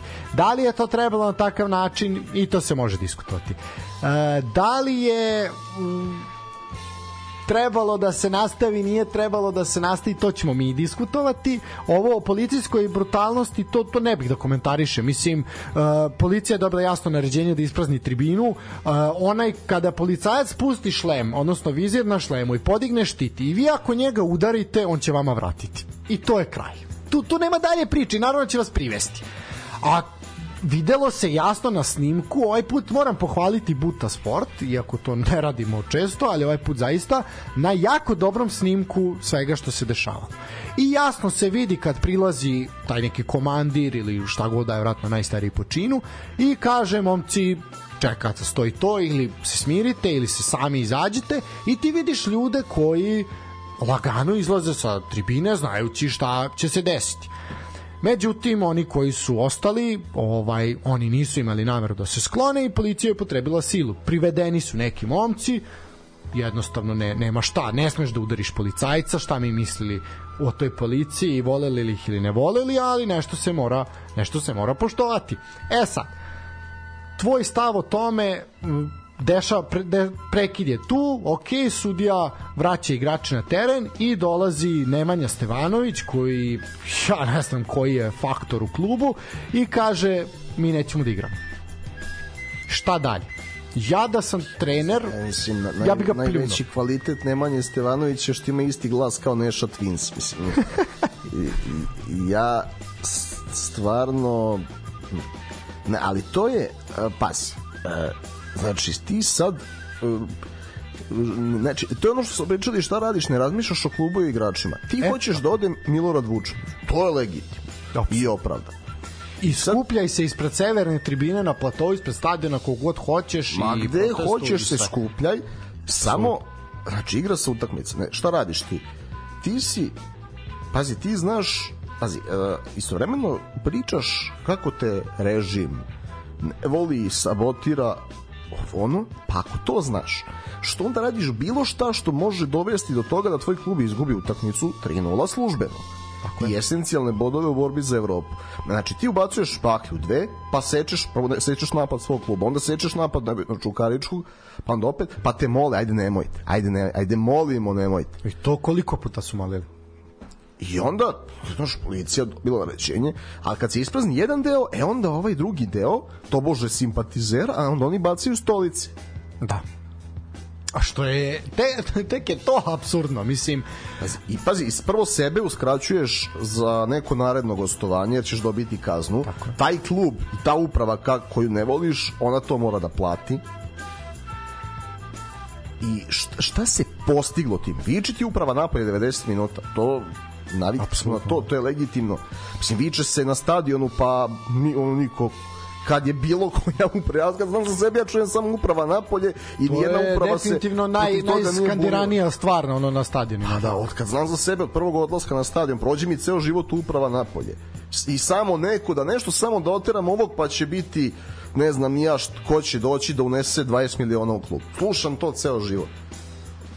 I, i onda, i sad, pazi, e, šta se dešava? Znači ti izazivaš, ok, da li je bilo prekomerne sile prema pojedincima, verovatno jeste. Ne mora baš da. policajac da drži nogu na vratu. Ne mora, slaglasan sam, ne Ali mora. šta se dešava? Ti si izazvao čitav problem i onda kad dođe Dulja i da priđe, ti prvo legendu uvlačiš u problem, ti hoćeš da igraš utakmicu, oni nas ovde biju i predstaviš mu to tako sebe kao žrtvu i onda Dulja i neće isto i on, šta će saglasi se da se igra. Pa onda on to bože mora da se njima izvinjava, da nosi dres, ljubi decu. E, I, a pazi ovo, ja nisam u tom momentu video da se neko iz Čukaričkog bunio što se ne igra, dok je bilo kadra arene. Nego šta su onda, onda naravno neko iz fotelje namazan, ne, momci sad reći ćete da ste bili za to da se igra, da mi pokušamo da uzmemo bodove za zelenim Što stolom. je opet legitimno. Jer je Partizan sam sebi skočio u stomak. Da, e sad pitanje, e sad što je, dolazimo do toga, gde je i ko je delegat? E, to je odlično. To je ono što sam ja, Znači- što smo o čemu smo ti ja pričali. Gde- je delegat i Ok, šta radi Milan delegat? Mitić ne osjeća da je bezbedno, jer ti koji su isterani, prebijeni, a nisu privedeni, su oko stadiona. A šta kaže delegat na to? I onda je kao posle je provučeno u člancima da se delegat saglasio sa sudijom da se utakmica odloži. Malo je problem Ali- što je delegata nema nigde, to, to je bilo jasno i odmah smo i ti i ja skočili i pričali i sa svima i sa drugarima, poznanicima i sa svim, gde je bio delegat? Jel delegat na svakoj utakmici je taj koji zapravo kontroliše sudije i koji daje sudiji naređenja kada se tako nešto dešava. To je prva stvar. Druga stvar, zašto je policija, ako je Čukarički partizan proglašen utakmicom visokom rizika, ako se svaka utakmica, a ne svaka, ali 70% utakmica ove naše lige proglaša utakmicama visokog rizika da bi policija uzela više dnevnica, ovaj da bi imali uh, ti kad proglasiš utakmicu Ma, visokim dobro, rizikom prehrane decu, ali... Ne, ne, ne, ne radi se o tome, nek, neka ima dnevnice, ali uh, proglašaš utakmicom visokom rizika da bi imao uh, rezona da povučeš toliko broj, to, toliki broj ljudi.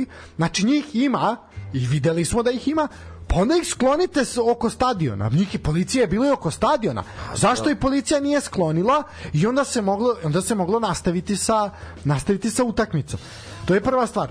Delegat, ok. Uh, pitanje ko je kriv, odnosno šta treba da se desi je sledeće. Apsolutno i nedvojbeno Partizan nije hteo da nastavi po meni 3-0 za Čukarički ako neće se utakmica odigrati. Ako će se odigrati, ok, odigraće se. Da se ne odigrava 3-0 za Čukarički, ja ne vidim. ja ne, ali to je a nisam ja video dok dok nisu otišli tamo da se svađaju. Gle, navijači Partizana su problem. Tako je. Znači, glum, praviš haos, glumiš žrtvu i onda zoveš svoje da, im, da ih moliš da s tobom skandiraju uprava napolje Van svake pameti. i onda još, ej, nas biju, vi hoćete da igrate. Ali šta je, ja mogu da razumem i reakcije i e, stručnog štaba igrača, znaš, kad im ti to predstaviš tako, ka, pa evo, dobro, nećemo da igramo. Znaš, jer ni- nisam ja, do, do odlazaka e, do tribine, ja nisam video e, želju igrača Partizana da se ne nastavi. To je tek posle Tako. i posle se izašlo, iz, izašlo iz kadra, pa onda ko je bio na licu mesta oko ili portali su saopštavali šta se dešava, ali u suštini najveći negativci su ovde avijači Partizana, koji jednog divnog čovjeka kakav Igor Duljaj stavljaju pro, u problem iz meča u meč. Mislim, meni je bila tužna ova konferencija sada pre utakmice gde on onako, pa znate, eto ja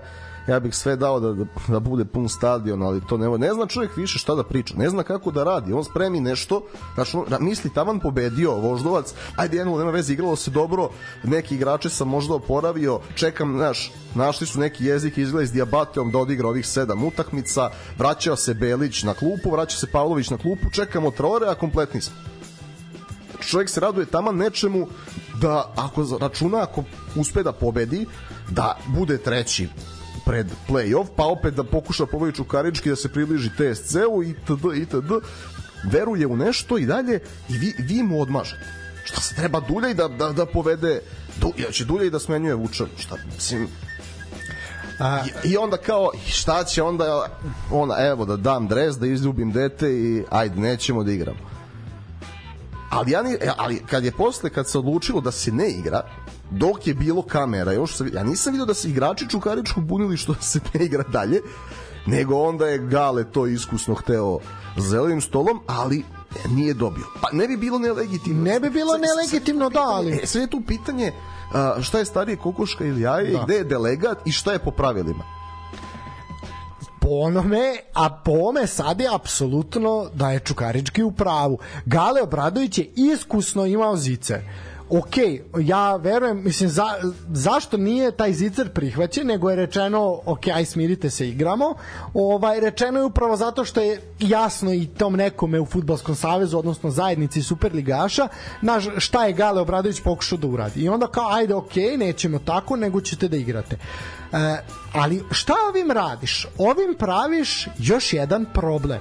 Z, e, praviš problem između dva kluba gde problem ne postoji odlično je pitanje o čemu razmišljaju navijači Partizana koji to rade.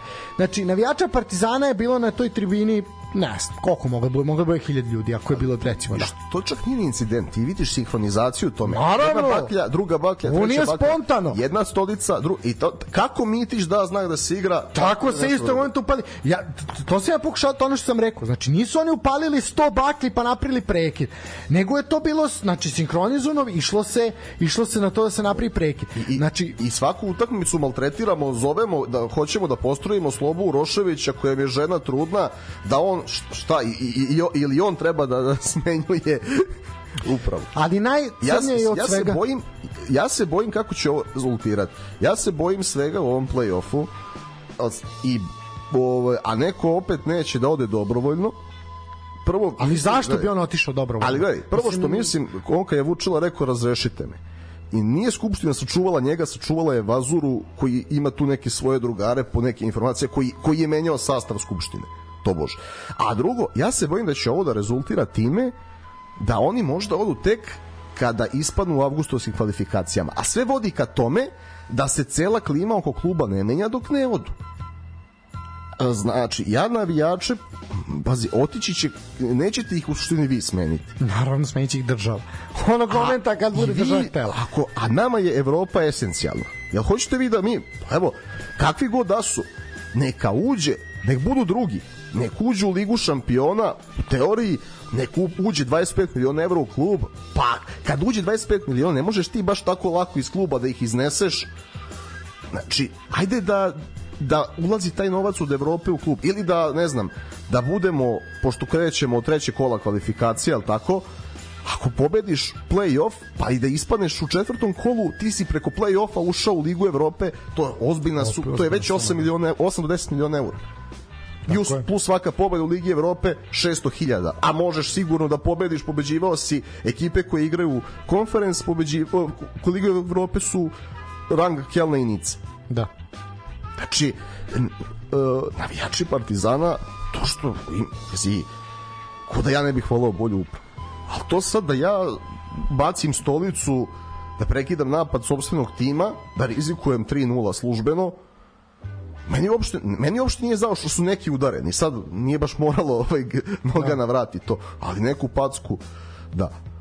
Znači, protestuj, organizuj, viči, ali da tih 11 tamo pokuša da, da da taj gol jako je bitno, znači uprava se ne smenjuje na stadionu. Vi i ono što se isključivo dešava tokom ove sezone, a i nije ovo samo ove sezone, to se dešava 20 godina, a, već da vi na ovim se šteti oni samo igračima. Oni su radili na 1-0 protiv Kelna u Beogradu, gde si ti već jednom pobedio Keln, gde vodiš 1-0 na svom stadionu, gde igramo fantastično.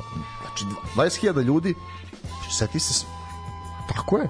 Mislim, ovim se šteti, šteti samo klubu. Ako već ta nekolicina koja je instruisana, koja to radi, ne znamo iz kojih mislim, iz razloga, mi možemo samo da nagađamo.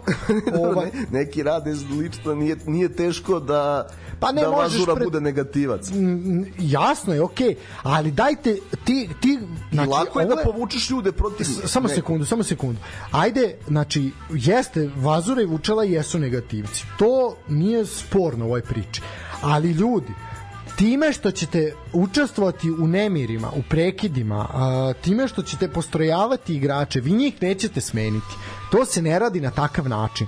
Znači, niko na stadionu nije nikada smenjen. Nijedna uprava. Nađu način da postroje njih, a ne igrače. Apsolutno. I pa. onda smenjuj, ako si tako jak, smenjuj, dovodi svoje ko ti valja. Ja. Naravno. Znači, ljudi, ovo što je Nikola rekao, ja sam apsolutno saglasan. Ovim se šteti isključivo igračima i stručnom štabu. Jer šta se dešava? Uh, upravi, upravi ne valjaju navijači, uprava ne radi za klub, znači uprava vuče na jednu stranu, uništava uništava šanse da Partizan uradi šta god time što ne daje podršku, ne dovodi igrači i tako dalje i tako dalje, ne daje novac. Znači oni vuku na jednu stranu. E sad su uh, i navijačima se digla ona stvar, sad ćemo mi da vučemo na našu stranu i razapinjemo igrače s jedne strane, znači kao dete kad se roditelji razvode, znači to ne može tako. Na stadionu podrška navijačima, skandirajte upravi, a nemojte prekidati igrače, nek igraju, nek pokušaju, jebote u istorijskoj sezoni, imate istorijsku sezonu da vaš klub, bez obzira što nije šampion, igra kvalifikacije za ligu šampiona, šta vi radite? Pod broj 1, uh, uništavate ga, uništavate šanse da se dođe do tog drugog mesta, jer šta se dešava? Ovim uh, je samo Čukarički može da ostane na trećoj poziciji iznad iznad Partizana, da mu da su mu dodelili 3:0 ovako ajde Partizan može još to da preskoči, samo mu skraćujete šanse i manevarski prostor da se dođe do nekog rezultata.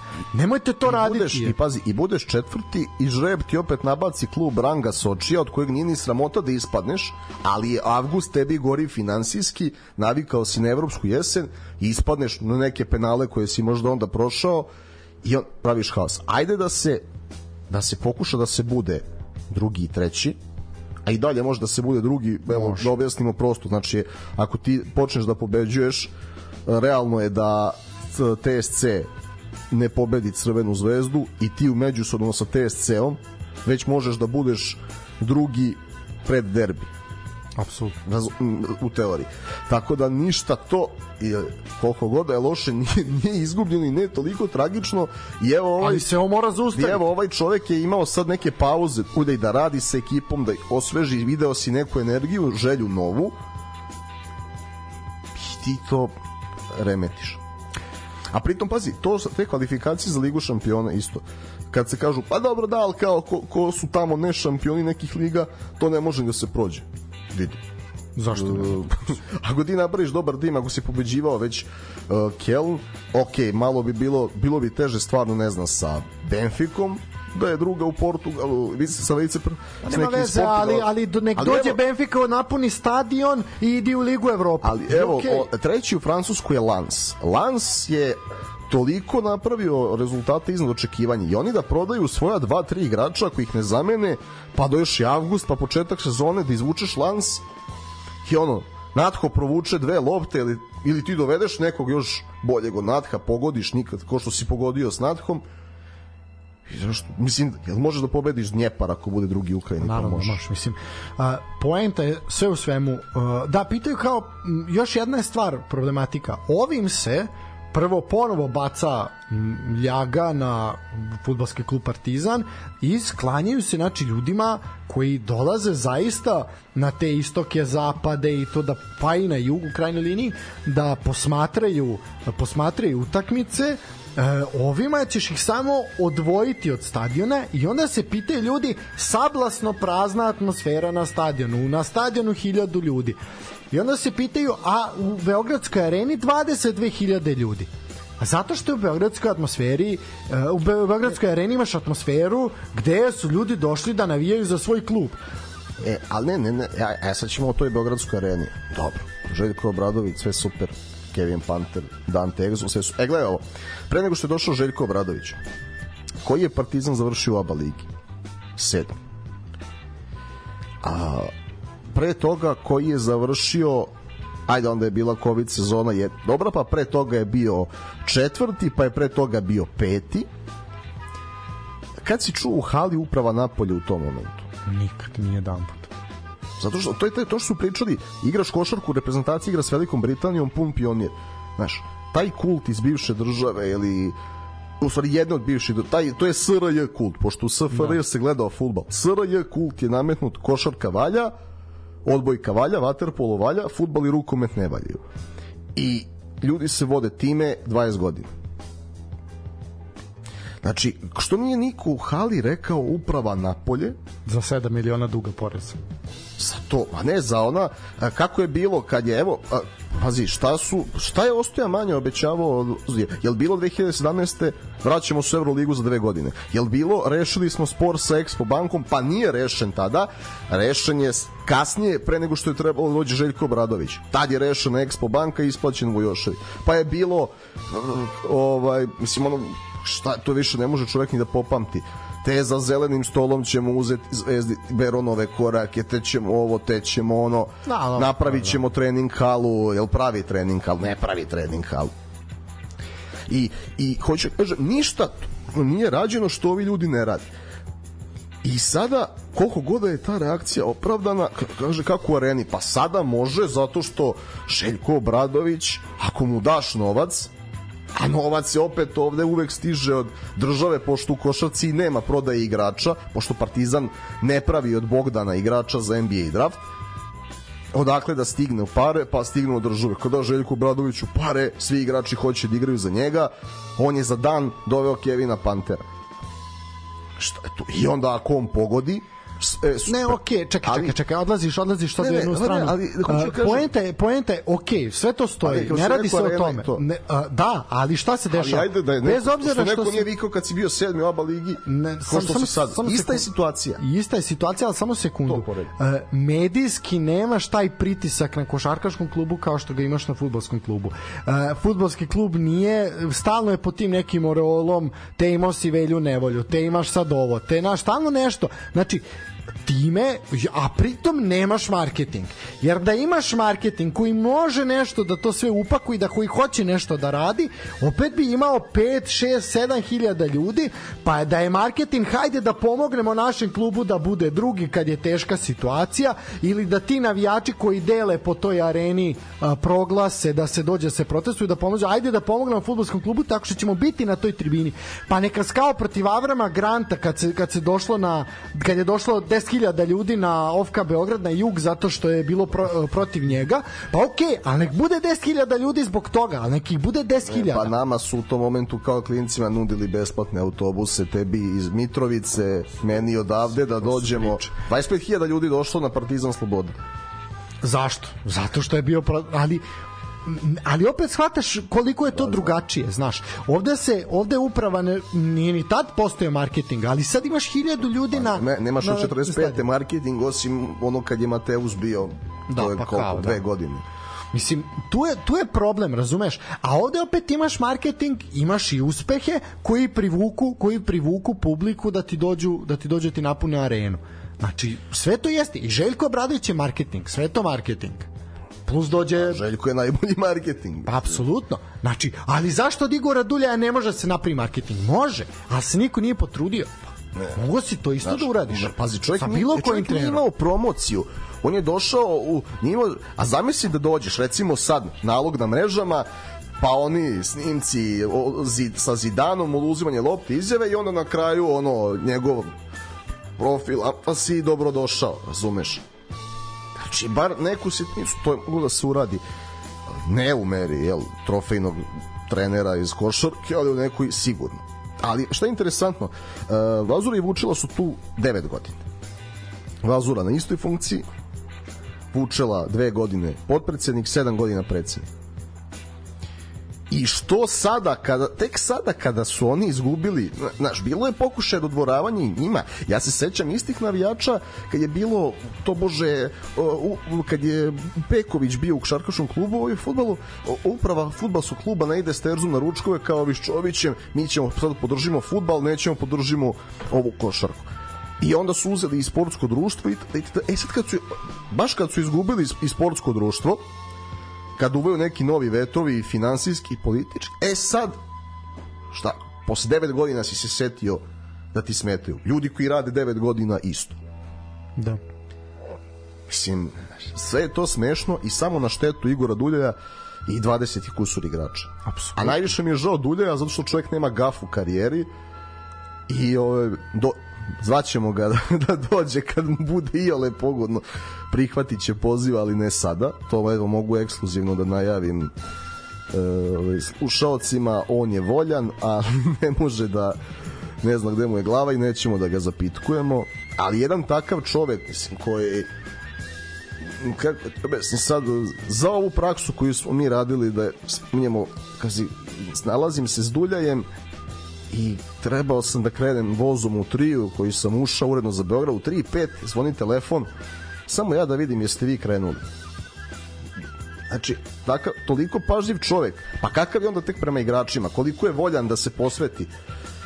Apsolutno u tom je, u tim je još i gore ali ode sad kogod da je na kogod da je na klupi. I da je ostao Gordan Petrić isto bi isto bilo, bi bilo, bilo da. Isto bi bilo. ali ovo zaista zaista ne odim ničemu. Ja pozivam, mislim, želim da iskoristim priliku, naš kao, aj ljudi, nemojte, aj pokušajte, znači, zazite to nezadovoljstvo nakon utakmice, van stadiona, rušite, zapalite im automobile, radite šta hoćete, linčujte ih, ne zanima me.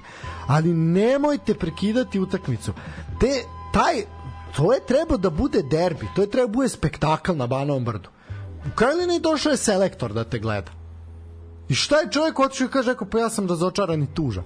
Pa, pa umesto da kaže, vidi, mogo bi ovog da zovem u junu protiv Bugarske ili onog, ovaj, razmišljam, šta da kaže? Pa mislim, on. A, a pit, neko je pitao za Nedimovića. A, Da, mislim, ono, to je toliko je bilo smešno da je čovjek u roku od dva dana ono odma preuzeo funkciju, znači više se niko ništa ne pretvara. Ovaj, što je bilo i jasno da je Džaja tu samo paravan. Jel te podsjeća Džaja na Bajdena? Apsolutno. Ovaj, I sad Nedimović koji daje izjavu, eto, mi ćemo kazniti Eto, pitam ja nešto, Branislave Nedimoviću, koga ćeš ti da kazniš kad nisi ti nadležan za takmičenje, nego je zajednica Superligaša? Koga ćeš ti kao predsednik Futbolskog saveza da kazniš? Nego daješ medijski prihvatljivu izjavu da te ne bi pljuvali, nego da kažu, aj pa dobro, došao je kako je došao, ali neka eto ga, kao ipak znaš, zna, ne, radit će posao kako treba, time što je dao zapaljivu izjavu. Radi nešto, ovi pre Radi nešto, da, znaš, kao, ne, koga ćeš ti bre da kazniš, ali to je opet može tako jer se ne zna ko pije ko plaća, ne zna se ko je zadužen za ligu, ne zna se ko je zadužen za termine, ne zna se ništa. Mislim, to je jedan zaista onako opšti, opšti cirkus. Ne, e, to je, vidiš, e, to je opet šta je loše. Loše je to što kada je sneg pomari utakmice, e, mi nismo znali, a čak ni Arena u svojoj programskoj šemi nije imala, nisu ni oni znali kada će kod da igra. Pa, mislim, a samo treba za dan ili dva da, da pomeriš nego gde sad da stavim što, što, što mi pomeraš u terminu Lige šampiona ili primera ili premier lige kao što rekoh, neko je tu poslao poruku kao što možemo se ugledamo na to kako je HNL promenio uh, teren, odnosno podlogu, tako možemo i za to zaključavanje termina. Zna se petkom, oni imaju petkom jednu utakmicu, subotom dve, nedeljom dve i doviđenja ok, sad je bio je uskrs, pa nisu igrali, ali nema veze. Ovaj, odigrali su u petak i u subotu. Sve u svemu, znači mora neki red da se, da se ovaj ustali, naravno da se taj red neće ustaliti dok god ljudima odgovara da bude haotično. I, jer jednostavno ne zanima ih da to urade. Uh, šta reći o Branislavu Nedimoviću čovjek dođe onako obučen na utakmicu između Crne Gore i Srbije šta, o čemu, čemu mi tu da pričamo mi ćemo da pričamo nekom predsedniku Saveza. Opet ja nisam video ja nisam ovaj isprava video da je to on dok, se, dok nisam zoomirao nego su mi poslali na, na jednoj mreži tako i kao nisam video isprave o čemu se radi. Posle zoomiram video on mislim da to neki neki šofer, ne znam. pa, pa, pa mislim na tom je nivou, da. Ovaj, naš, a onda se pričamo kao naš, uh, zašto se o našem futbolu priča tako kako se priča? Pa priča se jer ti na televiziji s nacionalnom frekvencijom, bez obzira što ono u vlasništvu Željka Mitrovića, o futbalu dođe da komentariše Petar Puvač. Znaš, ali, ali i onda se sazna da je čovjek slago za 90% svoje biografije. Da nije igru nigde. Ono kao naš... Jel on zna šta je Wikipedia? Dovoljno da, da uđeš na Wikipediju, da vidiš ono statistika klubovi nastupi, da vidi da čovjek nije igrao nekim klubovima. Pa ne, mislim, pritom onda na šta to, on ti priča o nečemu kako nešto valja ili ne valja, čovek slago za kompletnu biografiju. I umesto da ćuti da se ne pojavljuje u medijima ovaj pa naš prolazi to tako ispod radara ili je ispod radara da radi to čime se bavi ne on će sad da priča razumeš on će nekom da morališe i on će nekom da govori. I onda kažeš ljudi neće da prate ljudi imaju osjećaj gađenja ili mučnine prema našoj ligi. Pa nažalost naš kao ne vodimo računa njoj zapustili smo je opet zato kažem, zato postojimo mi, zato postoje neki drugi drugi ovaj drugi ljudi koji rade neki dobar posao, pa pokušavamo da to izvučemo iz blata. Uh, dobro, ajde, ne, 9.20 je, ajde da prognoziramo uh, play-off i da polako završamo. Da. Jeste, htio sam da dodam neke detalje, ovo što istinom jer izvukao. To ćemo pričati, to, to da. Ali ajde da, da ostavimo nešto. To ćemo iz... za sledeći put, to moramo, to je zaista nešto što... Evo mi izlazi Balkan Info, poraci i luda glava nisu dozvolili da postanem velika zvezda. A da, ono ček ni igro nigde, znači ajmo se zajebamo. Intervju nedeljom Petar Puača, milioner u duši. Pa strašno, strašno. Ne, pa, ne, jedna emisija mora da se posveti samo ovom. A naravno, to, to, to sam čekao da se vratim, to, da to... To, to, to, to ćemo tokom leta kad ne bude lige. Pa vidi. Onda, još dok ne počnu ni pripreme, pa onda... Pa ne, zaista, znači onda je kao zašto ti ljudi jedva dočekaju tako nešto i da pa normalno, zašto, mislim ne, ne, ono, ne osuđujem. Sve u svemu, ovo nije dobro, ne ide u korist ni jednima ni drugima, da je moglo i da je trebalo da se igra, trebalo je, ali dobro, šta sad, šta je, šta je tu je. Uh, tabela izgleda ovako, Crvena zvezda je ubedljivo prva sa 82 boda, TSC je drugi sa 62, 20 bodova razlike, treći je za sada Čukarički, u četvrta, kažem, igraju tu za ostalu utakmicu, odnosno ovu utakmicu koja nije završena protiv Partizana, imaju 59 bodova, četvrti je Partizan sa 57, peta je Vojvodina sa 54, šesti je Novi Pazar sa 50, Voždovac ima 39 i Radnič iz Kragujevca ima 30 i 7. Uh, eto, Radnički je ostao osmi samo zbog boljeg duela sa Kolubaran koja isto ima 37 boda. A tu se vraćamo na gad Kolubara i loš tako pristup. Je, tako je, tako je da su tu uzeli da su tu uzeli sva tri boda, sad bi bili u play-off. Ali dobro. Uh, ništa, uh, što se tiče poznato je, jel kažemo, satnica, danas je objavljena satnica. Mislim, tebi se u ponedeljak 17.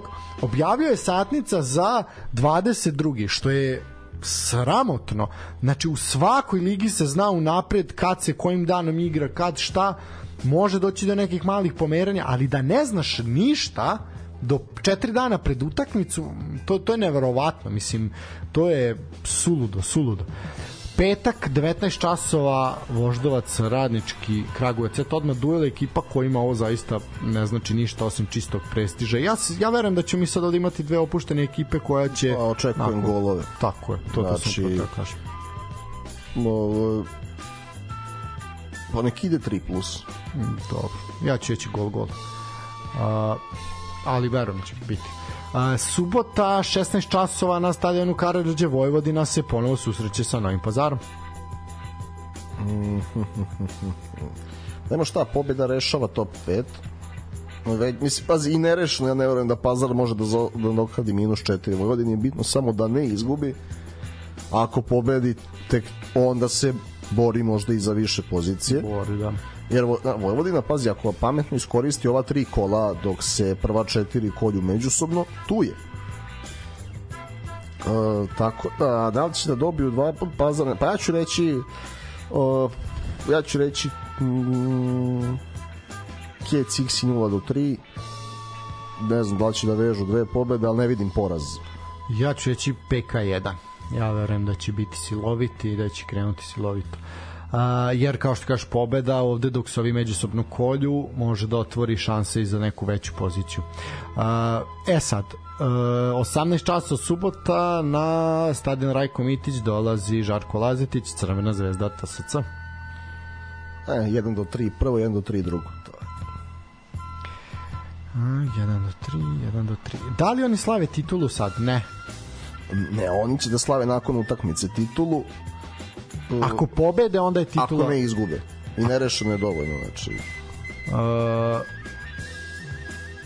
hm, X2 a, X2 a, Čukarički Partizan ili Partizan Čukarički nedelja od 18.30 opet sve zavisi od toga ko će na kom mestu dočekati dočekati ovaj nedelju i početak play-offa jer sve zavisi šta će se dešavati u u četvrtak, znači ako Čuka ostane neporažena, ona je ona je na trećoj poziciji, ako Partizan savlada, on ide na treći, Čukarički na četvrto mesto.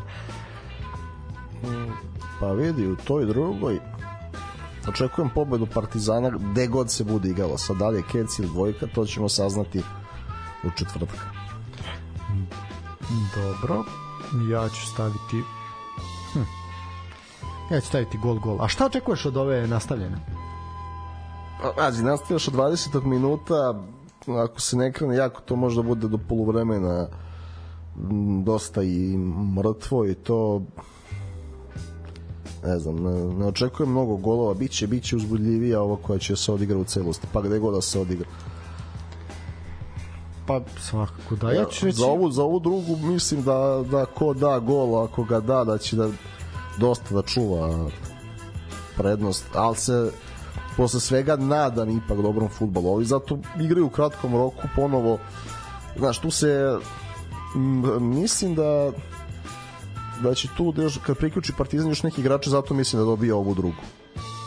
A ovo ne očekujem mnogo golova.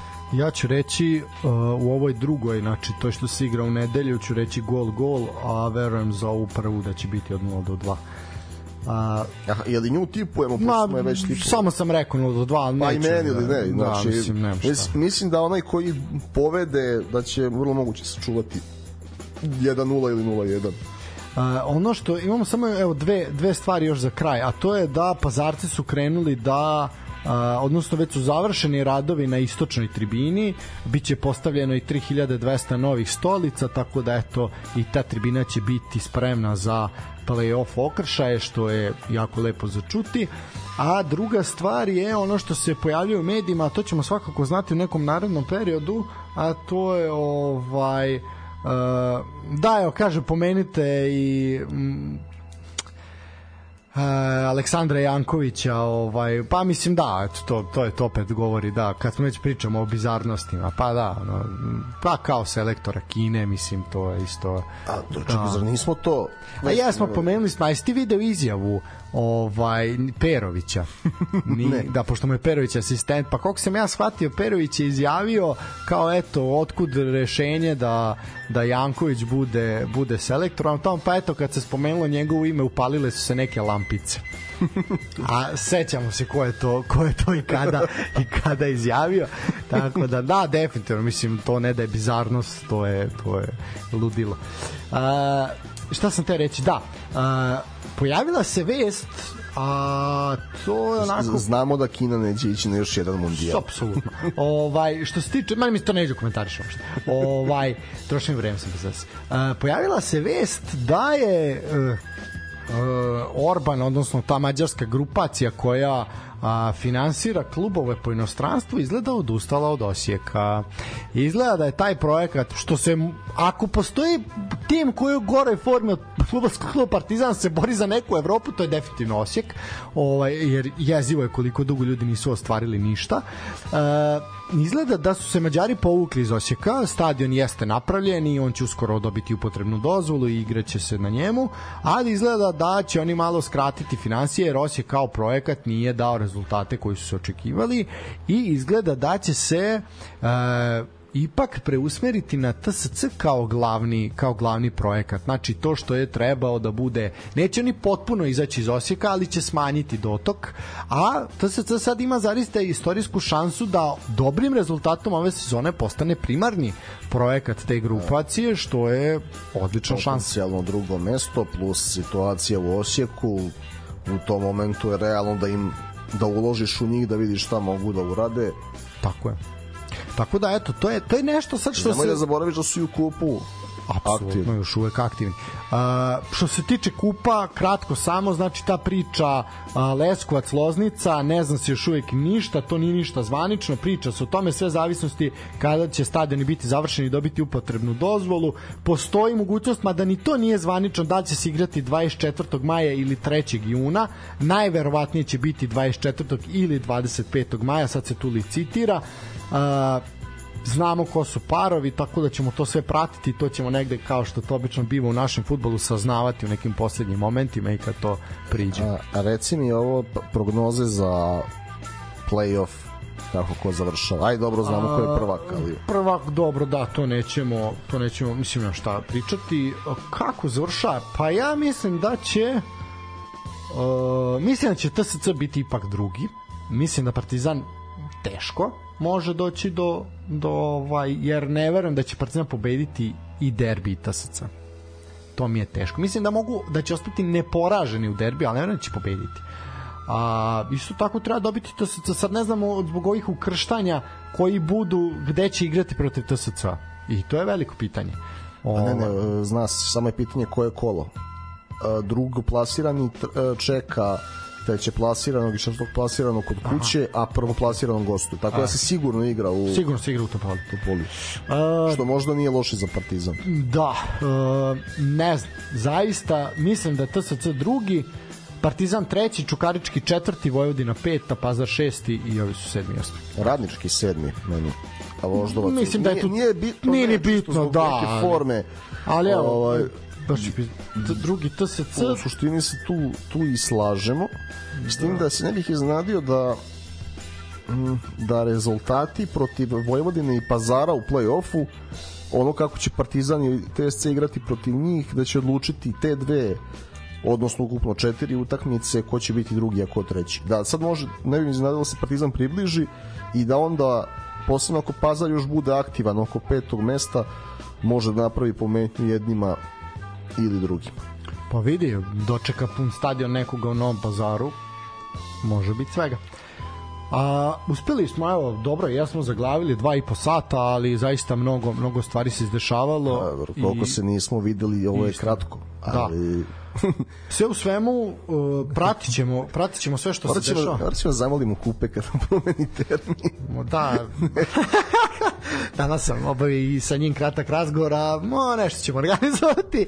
Morat ćemo, nešto ćemo smisliti, makar za pola sata, ono kao, da, da pomeri. Šalim se. Uh, naravno, Znaš, sećaš se ono nomad kad se kad se prvi put sklonio Anđus sa ekrana pa se vratio posle pola godine je sedeo sa živom i usred emisije kao evo da vas obavestim produžujemo emisiju na zahtev naroda za još pola sata. Tako je, tako ćemo ovaj, mi Kupeka odložiti. A, sve u svemu da, Kupek, ovaj, naš dragi Dejan nastupa, nastupa za nekih pola sata na ovim talasima, ima opet zanimljivu emisiju, slušajte ga, mislim da ovaj put je nešto iz arhive, ovaj nije nova emisija, tako da uživajte, uživajte u Kupeku, a mi ćemo se odjaviti sa tim da ćemo čestitati našim drugarima iz CK 16. rođendan, eto e, kuća koja je bila i naše utočište tokom letnjeg perioda, e, u teškim su uslovima bore se, ali bez obzira što su oni u teškim uslovima i dalje pomažu i životinjama, pomažu i kuvaju za obroke za naše sugrađane koji žive u jako teškim ovaj finansijskim i socijalnim uslovima pa svaka čast zaista i evo mi se pridružujemo čestitkama i Apsolutno. bili su bili su i ostali naši naši drugari i naše utočište kad je to nama bilo potrebno. E, ljudi, e, šta da kažemo, vratili smo se, momci su se vratili u grad i spremno i onako sa velikom željom očekujemo rasplete u play-offu i play-outu a m, zahvalit ću se ljudima koji su nam uplatili neki dinari tokom ove pauze. Ovaj tako da hvala vam, hvala svima a možete i vi da budete među njima i da a, nas malo pa da kažemo kuražite da sad ovaj play-off i play-out malo više e, ispratimo na samim stadionima tako da Paypal i Patreon sportski pozdrav ili uplate na dinarski račun sve informacije na našim društvenim mrežama kao i na YouTube kanalu Daška i Mlađe ništa, mislim da smo sve rekli to je to Sve smo Sve rekli, smo rekli. vratili su formu i vidimo se, slušamo se za 7 dana. Tako je. Ovaj, pa nek neko nama dođe kao Dragiši pa da nam kaže da je nameštan i da napustimo, ne puštamo ništa. A doći će i Dragiša ovde da ih čeka s nama. Ljudi, uživajte, laku noć, slušajte Daška i Mlađu i ove online radio talase. Laku noć, uživajte.